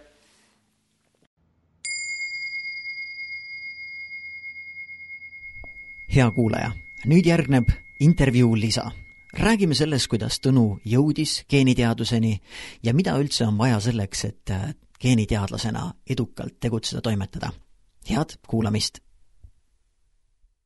kuidas üks inimene saab geeniteadlaseks? Ehm, mis on sinu lugu, kuidas sina selle valdkonna enda jaoks leidsid, kuidas sa ühel päeval said aru, et ma nüüd tahan olla geeniteadlane? ma arvan, see hakkab pihta, ma ei saa öelda, et see hakkas kõik pihta lasteaiast, aga aga ma arvan, et see kõik hakkab pihta sellest, et kas, kui uudishimulik sa oled ja tegelikult sa ei otsusta Äh, lasteaias, et sa tahad saada geeniteadlaseks, sa võib-olla otsustad, et lihtsalt kuidagi, kuidagi on nagu väga huvitav, tahaks nagu asjadest rohkem teada mm, -hmm. sest noh, geeniteadlaseks või üldse teadlaseks sa saad tegelikult ju õppides. et lisaks sellele, et sa käid kaksteist aastat äh, nii-öelda tavakoolis, sa pead veel ütleme, kaheksa kuni kaksteist aastat peale seda veel õppima, et sa oleksid valmis nii-öelda teadlane mm. -hmm. ja ma arvan, et minu nii-öelda selline teadlaseks saamise tee hakkas pihta tegelikult juba neljandas klassis, kui äh, äh, klassijuhataja palus mul teha äh, nii-öelda matemaatikavõistlus, seda känguru. Alguses ma ütlesin, et noh, see on mingi eluigav, et ma küll ei viitsi ja siis ma ütlesin ära ja siis ma sain, ma ei mäleta kellegagi, sain pragada, nii et ma tegelikult läksin tagasi ja ma ütlesin, et ma teen, aga sisetunne mulle ikkagi ei petnud, sest ma ei tea, kas see süsteemi seal tead, aga see on see, et sa alustad kängurivõistlus, sul on kolmkümmend punkti yeah ja siis on seal, ma ei mäleta, kui palju, umbes üheksakümmend ülesannet või noh, vahet ei ole. seal on niimoodi, et kui sa vastad õigesti, sa saad umbes, ma ei tea, kaks punkti või, või neli punkti, oleneb, kui keeruline on mm. -hmm. aga kui sa valesti vastad, sul läheb punkt maha ehk siis on see, et seal on see valik, et sa võid äh, mitte vastata. mitte vastata ja ka tegelikult saada päris hea skoori. aga noh, minu esimene võistlus mäletan, alustasin kolmekümne punktiga, lõpetasin üheteistkümne punktiga. ehk siis tegelikult seal noh ütleme niimoodi, oli, oli suboptimaalne. muidugi on irooniline siis see, et, et Neos äh, käisime matemaatika eriklassis äh,, kui, kui oli selline nõrk algus. aga sealt hakkas pihta nii-öelda see, et ma peaaegu iga aasta käisin erinevatel nendel aineolümpiaadidel ja kulmineerus sellega, et üheksandas klassis ma arvan, ma tegin mingit kaheksat aineolümpiaadi, sealhulgas äh, käsitöö ja ja vist äh, käsitöö. käsi, jah, aineolümpiaad. ja nendest neljas ma tegelikult umbes võtsin, ei kuues ma võtsin maakonna tasemel ära ja, ja kahes sain isegi vabariiki. noh, muidugi seal, kui oled sa selline, ingliskeelne mõiste on see, et nii-öelda jack of many trades, master of none mm. -hmm. siis tegelikult on see, et sa saad niimoodi generalistina, sa jõuad suhteliselt kaugele aga siis tulevad nagu need tüübid, kes keskenduvad ühele alale ja on juba selleks ajaks lugenud läbi Loomade elu, mäletad, selline üheksa küüdet, nõukaajal igalühel oli kodus, selle juba vähemalt neli korda läbi lugenud. et, et siis nii-öelda generalistina on väga raske võidelda, et siis võistelda,. siis, siis on vaja nagu spetsialiseeruda, ma korraks hüppan tagasi, siis neljandas klassis sa käisid see kängurul, aga sa said suhteliselt äh, enda hinnangul hetkel, ma saan aru, kehva tulemuse no aga... olin vist Eestis mingi üheksasaja mingi keskpaiga koht, et selles suhtes, et noh, ei olnud paha. aga ma mõtlen just, et mis innustas sind ikkagi edasi liikuma, et sa oleks võinud öelda ju õpetajale teinekord, et et ei lähe, et, et äh, ei Jah. taha enam, aga et, et sõltumata sellest, et esimene kord sul mingit hurraad ei tekkinud seal, sa jätkasid seda teekonda. kelles see oli, kas see oli selles õpetajas või see oli selles sinus, kes otsustas, et et äh, siin ei ole asi selles, et nii-öelda ei ole känguru geeni, vaid, vaid on äh, vaja ikkagi poisil jätkata kusjuures ma ei, ma ei oska seda öelda, ma olen nagu mõelnud selle üle ja seda, see on ka see mõte, mis nagu ma ütleks, et mul igapäevaselt on täna, aga aeg-ajalt, kui ma mõtlen oma elu üle ja seda, kui, kui kuidagi tihe see on, et miks ta, miks ta on niimoodi, miks, kust tuleb see tung äh, teha kõiki asju, alati mm -hmm. olla nii-öelda suurte asjade juures, et ma ei tea, ma ei tea, kust see tuleb, ma arvan, et see on, et see tegelikult tuleb sellisest äh, see tuleb nagu nii-öelda natuke sellest nii-öelda isikuomadustest, aga ma arvan, see tuleb ka sellisest kuidagi kodusest kasvatusest, et selles suhtes, et kuidagi ma ei tea, kuidagi mul on olnud kogu aeg soov äh, asju teha hästi mm. -hmm. et ma ei taha teha nagu niimoodi enam-vähem, et kui mingi asi mulle tundub, et on oluline, siis ma tahan seda teha hästi, ma tahan, noh, oli ka nii-öelda kontrolltöö, ma tahtsin alati vastata äh, nii-öelda mitte niimoodi, et oh, ma saan napilt, napilt ei saa kahte või et saan napilt viie kätte, aga tegelikult ma tahtsin alati saada nii-öelda sada kakskümmend protsenti. ja noh, aga see kuidagi sealt hakkab pihta, et kui sa tahad nagu teha hästi, siis, siis sa kuidagi paned sinna aega sisse. samas võiks öelda, et noh, ma ikkagi piisavalt palju aega sisse ei pannud, sest äh, nendel riiklikel aineolümpiaadidel ma alati olin seal teises kümnes ja taaskord ei olnud ka äh, noh, juhtus ka, et olin vahest täitsa viimane mm. -hmm. aga, aga seal oli jälle see koht, et vist asi läks nagu minu jaoks juba nagu liiga spetsiifiliseks ja ma noh, lihtsalt kas ei viitsinud või noh, ei suutnud nii põhjalikult omale asju selgeks teha. aga kust tekkis siis see sild selle geenimaailmaga, milline oli sinu esimene kokkupuude? no eks ta ikka seal bioloogia, bioloogiatunnis on mm. -hmm. aga ma arvan, et seal bioloogiatunnis ei ole, ma arvan, et see, kuidas ma otsustasin äh, minna geeniteadusi õppima, on tegelikult oligi seal, ma ei tea, üksteist klass lõpp. ja, ja tegelikult siis ma vaatasin, meil oli ju seal selline nii-öelda see karjääri mingi nõustamise mingi buklet oli on ju, siis seal said märkida, et oo, millised on tegevused, vaba aja tegevused, mis sa tahad teha ja, ja siis sa märgid seal ära ja siis äh, summeerid kokku ja siis saad mingi, et oo, sulle sobib see või teine või kolmas või midagi, noh siis mul tuli ka seal umbes, et a la kas ma sobin äh, nii-öelda teadlaseks või siis äh, kunstnikuks. Siis mulle tundus, et noh, et see kunstnikuga, kunstniku ennast ära elatada on nagu keeruline ja sellega on see, et mul ei ole, ma ei ole nii kunsti hingega või selline nii hea käega, et ma võiks kunstnikuna ennast ära kas, kas elatada. kunsti, kunsti puhul on see pigem hinges või andes? mis see pigem on? kas see on... hing on siis see, mul on mingi meeletu pühendumus luua Sul ja on-, ja anne on see, mul nagu, ma ei tea, nagu tuleb asi välja ja mul on mingi esteetiline ilutaju hea ja nõnda. ma arvan, et kunsti puhul on ikkagi see, et sul on see kirg nagu luua. et sul on selline, noh, mul on ka vahest niimoodi hakkab selline nii-öelda selline rahutus tuleb, motoorne rahutus peale, et nüüd on vaja midagi luua ja siis ma käin mööda maja ringi ja otsin, et noh, mida ma saan luua. ja, ja see nii-öelda see anne, ma arvan, on see on ka lihtsalt see, et see on harjutamise küsimus, et see on see, see on see kümme tuhat tundi, mis on vaja panna sisse ükskõik mis asja, et sa oleksid nagu, et sa, et sa tunnetaksid seda valdkonda ja et sa oleksid läbi proovinud kõik erinevad viisid, kuidas seda teha.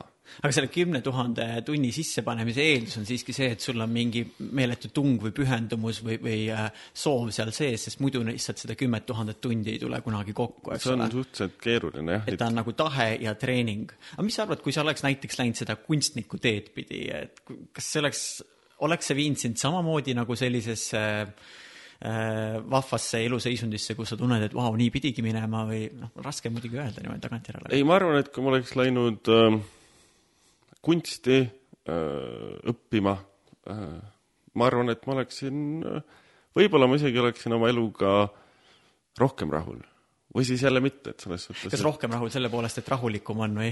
ma arvan, et just, et nagu rahulikum, et sa saad, sa oled nagu rohkem nagu nii-öelda tegeled endaga, endast mm -hmm. otsid seda inspiratsiooni ja siis nii-öelda lood seda selles meediumis, mis iganes see meedium sul siis juhtub olema, et kas see on maal, kas sa kuidagi töötad mingite materjalidega, sa lood mingit äh, visuaalkunsti, et tegelikult äh, ma olen ju ka äh, töötanud äh, suvetöödena ja juhutöödena küll teinud nagu peokujundusi, ehk siis on see, et kui sul on äh, näiteks seal Kroonpressis on ju see tükipaberite nii-öelda ladu, et sinna oli vaja luua kahekümnendate nagu selline meeleolu. meeleolu õhkkond. ja selline õhkkond ja party ja siis sa loodki seda kuidagi nii-öelda seda õhkkonda ja lõpuks, päeva lõpuks ongi seal see kahekümnendate selline äh, underground mingisugune alkoholipidu, sest sa kuidagi lood sinna, noh selle või siis ma olen ju kolm aastat ka äh, sepana töötanud suvel, äh, teinud, naelu küll ei teinud, aga kõiki,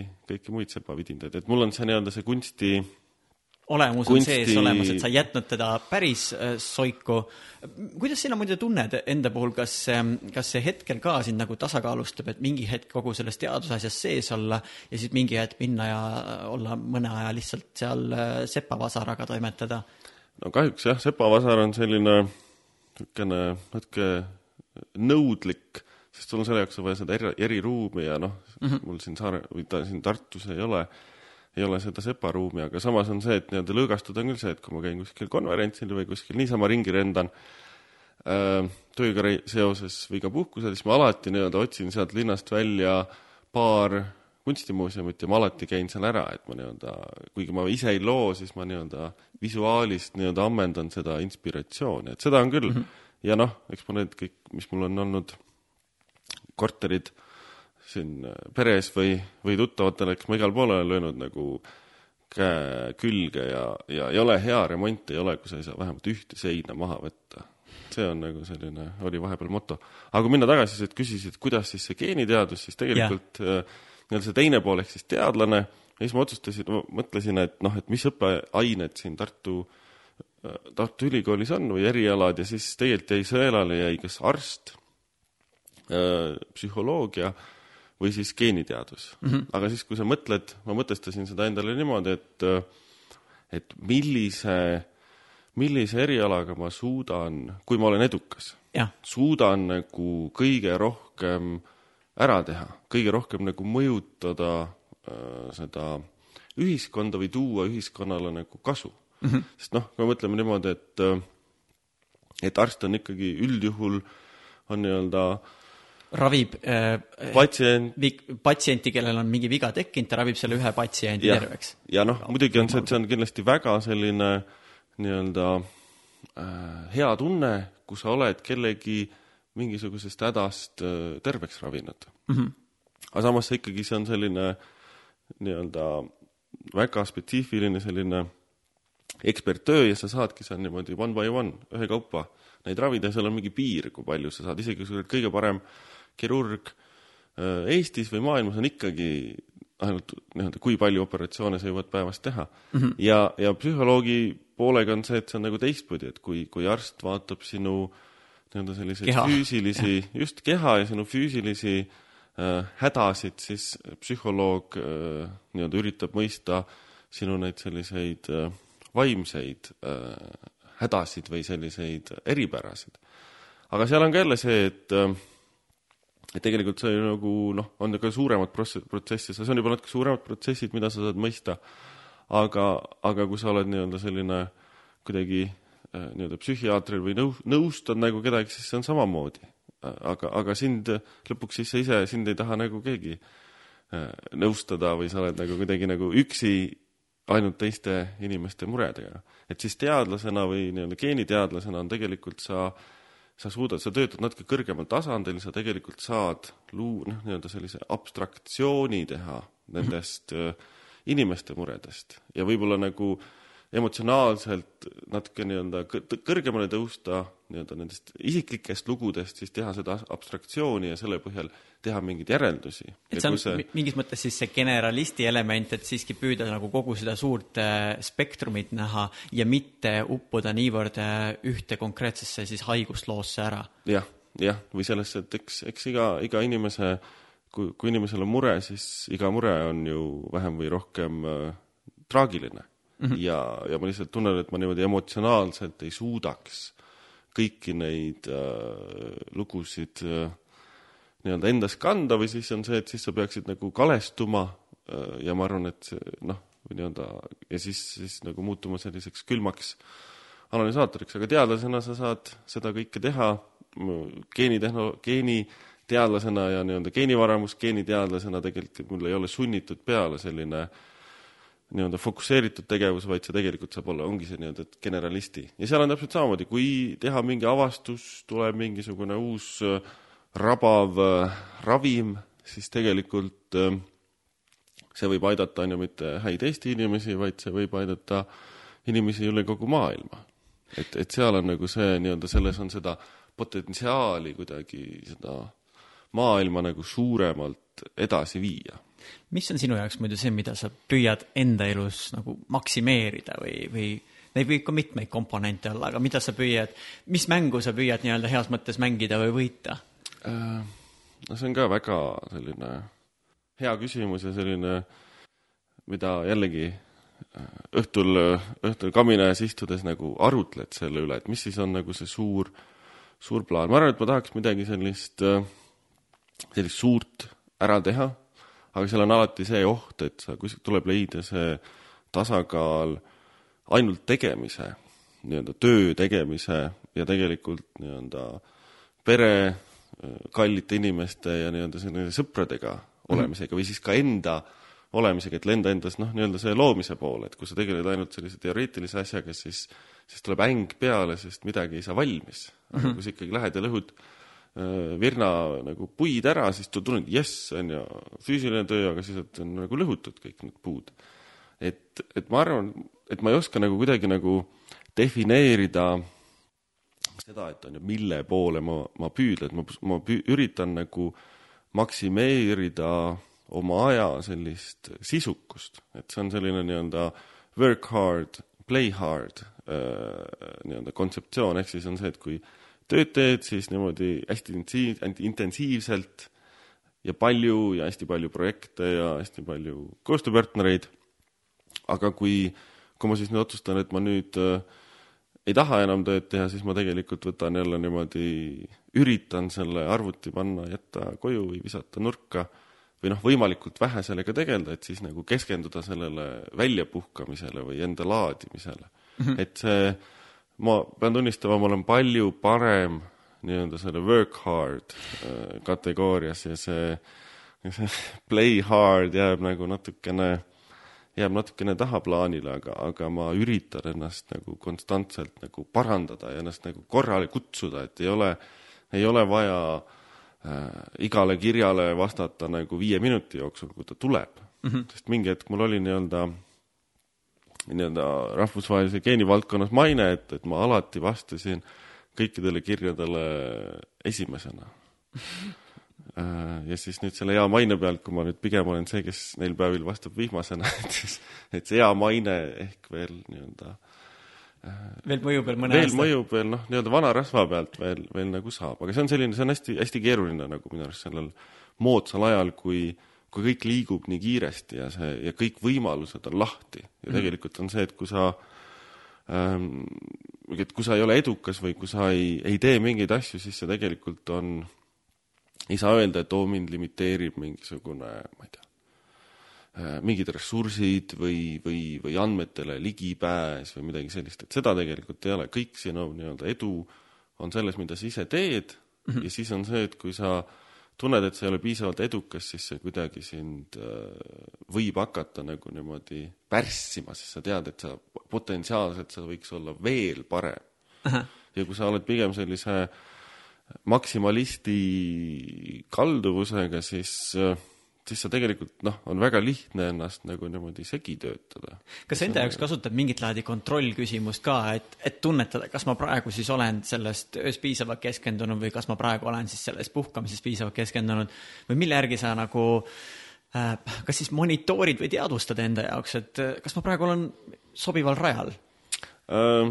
noh, võtame niimoodi sellise ületöötamisega on mul selline nii-öelda bioloogiline kontrollmehhanism, et ehk siis, kui mul läheb see stressitase, vahet ei ole, kas siis positiivne stress või negatiivne stress ja tegelikult positiivne stress on palju ohtlikum mm., sest see nagu noh, kui negatiivne stress, siis see ise mingi noh, nii-öelda see sündmus on nii frustreeriv ja siis see nii-öelda pärsib Äh, juba iseenesest seda, et sa nii palju ei tee, aga kui sul on positiivne stress selles suhtes, et noh, hasarti satud hasarti satud, on ju, edu, edulainel, surfad niimoodi kõik vuh-vuh-vuh, äh, siis on sul tegelikult ennast nagu väga raske nagu nii-öelda tagasi kutsuda, sest see, et sa kutsud ennast nii-öelda korrale, tähendab seda, et sa loobud edust. ja ma arvan, et Aha. inimesel on väga keeruline äh, loobuda nagu sellist, sellist edu elu, elamusest, kui sa tead, et kui ma panen, noh, teen veel pool tunnikest, ma saan sealt linnukese kirja ja ma saan noh, mis iganes mm -hmm. sa siis mhm. saad, kas sa saad, mis, keda motiveerib preemiat või saad, on ju,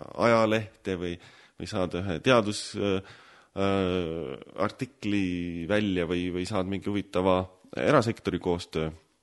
et selle, selle pealt on nagu väga raske ennast korrale kutsuda, aga no mul stress läheb liiga suureks, siis ma saan migreeni. mul hakkavad migreenid tulevad, on ju nagu keha annab kohe märku? keha annab märku, silmade eest hakkab, on ju, virvendama, ma ei noh, isegi kui ma tahan midagi lugeda, ma ei saa, sest mul virvendab ja siis ma pean lihtsalt äh, Taastuma. magama kuskil natuke aega pimedas toas ja siis see kutsub nagu, nagu korrale mm. -hmm. aga, aga see, tegelikult see on ka see, et sa, mis ma olen aru saanud, et, et sa ei saa, käsu peale ei saa ka puhata. Et kui sa tead, et sul on mingisugune töö, mingisugune asi vaja teha ja siis sa nüüd mõtled, et ah, et suva, et ma nüüd puhkan nädal aega, et siis tegelikult sa ei puhka nagu äh, täielikult, et sa pead kuidagi ka puhkust nagu natukene ette valmistama, et sa saaksid siis minna puhkusele ja öelda, et vot nüüd nädal aega maailm ei kuku kokku, kui mind ei ole. ja kui tõesti hakkab juba kokku kukkuma, siis saab alati nagu helistada mm. -hmm. et, et alati saab, aga, aga seal peab ka nagu nii-öelda kaastöötajad ja asjad ja, ja, või kolleegid peavad nagu ka noh, nagu enda jaoks nagu hindama seda, et kus on sinu seda panust vaja ja kus on see, et keegi teine saab teha, sest laadida on patareid vaja, eriti sellises moodsas maailmas, kus kõik liigub kohutava kiirusega ja, ja kui sa just kirjeldasid, et olla pidevalt ühenduses ka, et viie minuti jooksul sellele kirjale vastata, siis see tähendab seda, et su tähelepanu on hakitud. ma põikan korraks sellesse küsimusse, et mida on üldse vaja, et teadlasena, teadusvaldkonnas edukas olla? et mis on seal nagu äh, määrav? seal, seal on, ma arvan, et seal igas sellises, ma ütleks, et igas valdkonnas on tegelikult ju vaja nagu õnne. ikkagi mm -hmm. õnne seda, et sa nagu õigel ajal satuksid olema õiges kohas. ja, aga kas see on õnn või see on ikkagi teadlik ettevalmistus? ta, see on väga hea küsimus selles, et ma arvan, et nagu väljapoolt vaadates see võib tunduda õnn mm, -hmm. aga ma arvan, see, et sa pead ise või noh, selline võimalus ja sa pead tegelikult ära tundma ise, et vaat nüüd on see võimalus ja kui ma selle võimaluse peale lähen ja siin panustan sada protsenti, siis, siis sellest sünnib midagi suurt ja on võimalik nii-öelda edu luua, samas aga see ongi see, et sa pead nagu ise selle ära tundma, sest siis sa oled piisavalt ise pühendunud, aga kui keegi ütleb sulle, et vaat see on nüüd väga potentsiaalikas mingi eriala või või, või vot see on just see inimene, kellega sa pead nagu koostööd tegema, sest siis mm -hmm. sa oled edukas, aga sul on, kas siis on antisümpaatia või sulle see eriala üldse ei impone-, imponeeri, siis tegelikult sa ei saa seal olla edukas, et noh, samamoodi võiks küsida, et kuidas, kuidas mina olen äh, selles äh, geeni, geeniteadustes olnud nii, nii edukas, et tegelikult kui siin mingeid äh, vaadata seda, et kui palju teadusartikleid on avaldatud või siis neid nii-öelda kaasteadlaste poolt tähele pandud, et tegelikult ma hetkel kuulun saja kaheksakümne nii-öelda e-, mõjukaimad geeniteadlase hulka maailmas mm. -hmm. aga kuidas sinna on jõutud, on ühtepidi on see, et see on nüüd juba peaaegu neliteist aastat tööd, ma ütleks, et liiga palju tööd selles mõttes, et on olnud aegu, kui ma tõesti töötan seal äh, üksteist tundi päevas, ka nädalavahetustel, öösiti ja, ja aga, aga seal oli natuke ajendatud sellest, et on ju, käisime koos Neos, meil oli seal programmeerimine, antud ajal ei saanud sellest mitte midagi aru, mulle tundus, et see on nii, nii eilne päev, et mingi käsurealt mingit asja kirjutada, et noh, never ei ole seda enam vaja, never ever. aga siis, kui ma tulin laborisse, siis tegelikult olidki see, et esimest korda oli, oli nii palju andmeid, et Excelis neid enam ei saanud vaadata, sest Excelisse see fail ei mahtunud ära. ja siis, aga kuna mina olin ainuke, kellel oli programmeerimise mingi oskus? no mingi oskus, et ma oskasin nii-öelda seal natuke skripte kirjutada, natuke nii-öelda programme käima lasta, et ma nii-öelda hallasin seda asja, siis oli nii-öelda loomulik, et ma siis nii-öelda hakkasin vaikselt neid asju tegema ja üle võtma ja ei olnud, ma ei, vähemalt ise ei tunne, et ma oleks nagu teisi inimesi nagu ära blokkinud. et nemad seda ei tee, et nad on mingid noh, nad ei ole oskusi, nad ei tea, on, teevad äh, halvasti, et olnud, vähemalt ma ise tunnen, et ma arvan, et ma loodan, et ma niimoodi ei teinud. aga kuidagi oli see, et kõik koondus mulle ja siis mingi hetk oligi see, et sa teed seal kümneid ja kümneid ja kümneid äh, projekte mingi aeg. ma arvan, ma nädalas veetsin üks äh, suurusjärgus kümme, kümme tundi istudes nagu telefoni otsas ja ja, ja kuulates nagu nii-öelda neid rahvust, noh, telefonikonverentsidel mm. -hmm ja, aga mis oli selle, seal oli tegelikult see, kus ma kõige rohkem õppisin, sest seal on maailma eksperdid, helistavad kokku, arutavad nii-öelda põletavaid probleeme, tutvustavad mm -hmm. uusi programme, ideid ja tegelikult ideid ja programme, mis äh, jõuavad nii-öelda avaldamiseni või sellisesse teadusajakirjadesse alles suurusjärgus kahe või kolme aasta pärast. aga sina juba tead seda mm -hmm. ja sa saad kohe järgmisesse projekti seda informatsiooni kasutada. ja noh, eks ta üks niisugune kõva selline müügimehe töö on olnud, selline ikka salesman, et ma lipsu ette ei pane, aga selline sa ikkagi ise noh, seda geenivaramut on ikka igale poole nagu nii-öelda heas mõttes müüdud nagu teadus, teadustöös ja see, see ongi tegelikult see, et sa pead seda teadust tegema kirega, nii-öelda panema sinna sisse need tunnid aga teistpidi peab see teadusteema olema ka selline, mis noh, mis näiteks ka sinule läheks korda mm. -hmm. muidu sa ei ole valmis neid tunde panema sinna ja, ja kui need konverentsikõned sulle väga haakunud ei oleks, siis sa oleks ilmselt igavlenud seal ja igavlemise tõttu oleksid olnud sellises seisundis, kus sa ei oleks üldse märganud, et oh kui põnev võimalus, vaid oleks vaadanud, millal see asi läbi saab, et just, just, ma oletan, et need, need, kui sa paned ta sellise hästi meeletu pühendumusega selle aja sisse, siis nendest ajaühikutest sa saad ka oluliselt rohkem tagasi, sest su mõte on äh, ise kohal, et et mis iganes olukord on, kuidas ma sellest saan parimat võtta. just, ja noh, ega tegelikult meil oligi nii-öelda missioon või noh, ma kuidagi tundsin, et on, on nagu osa minu missioonist lihtsalt võtta, võtta geenivaramu ja panna niimoodi maailmakaardile, et seal äh, nii-öelda professor Metspalu ka koos, me kuidagi jagasime seda videos, visiooni juba, juba see kolmteist aastat tagasi ja siis me hakkasime seda ehitama ja kasvatasime tiimi ja, ja, ja meeskonda, kellega koos siis seda teha. selline oli meie tänane intervjuu Tõnu Eskoga. Kõik äh, show märkmed, mõned raamatusoovitused, mida Tõnu soovitab, kui tahab geenivaldkonnaga end kurssi viia, ja ühtlasi kümme sellist fakti, mida võiksid geenide kohta teada leiad inspiratsioon.ee lehelt, kus on eraldi artikkel siis äh, Tõnu intervjuu kohta. kõik järgmised episoodid leiad sa inspiratsioon.ee kaldkriips elulooming aadressilt. kohtumiseni juba uues saates ja head elu loomist!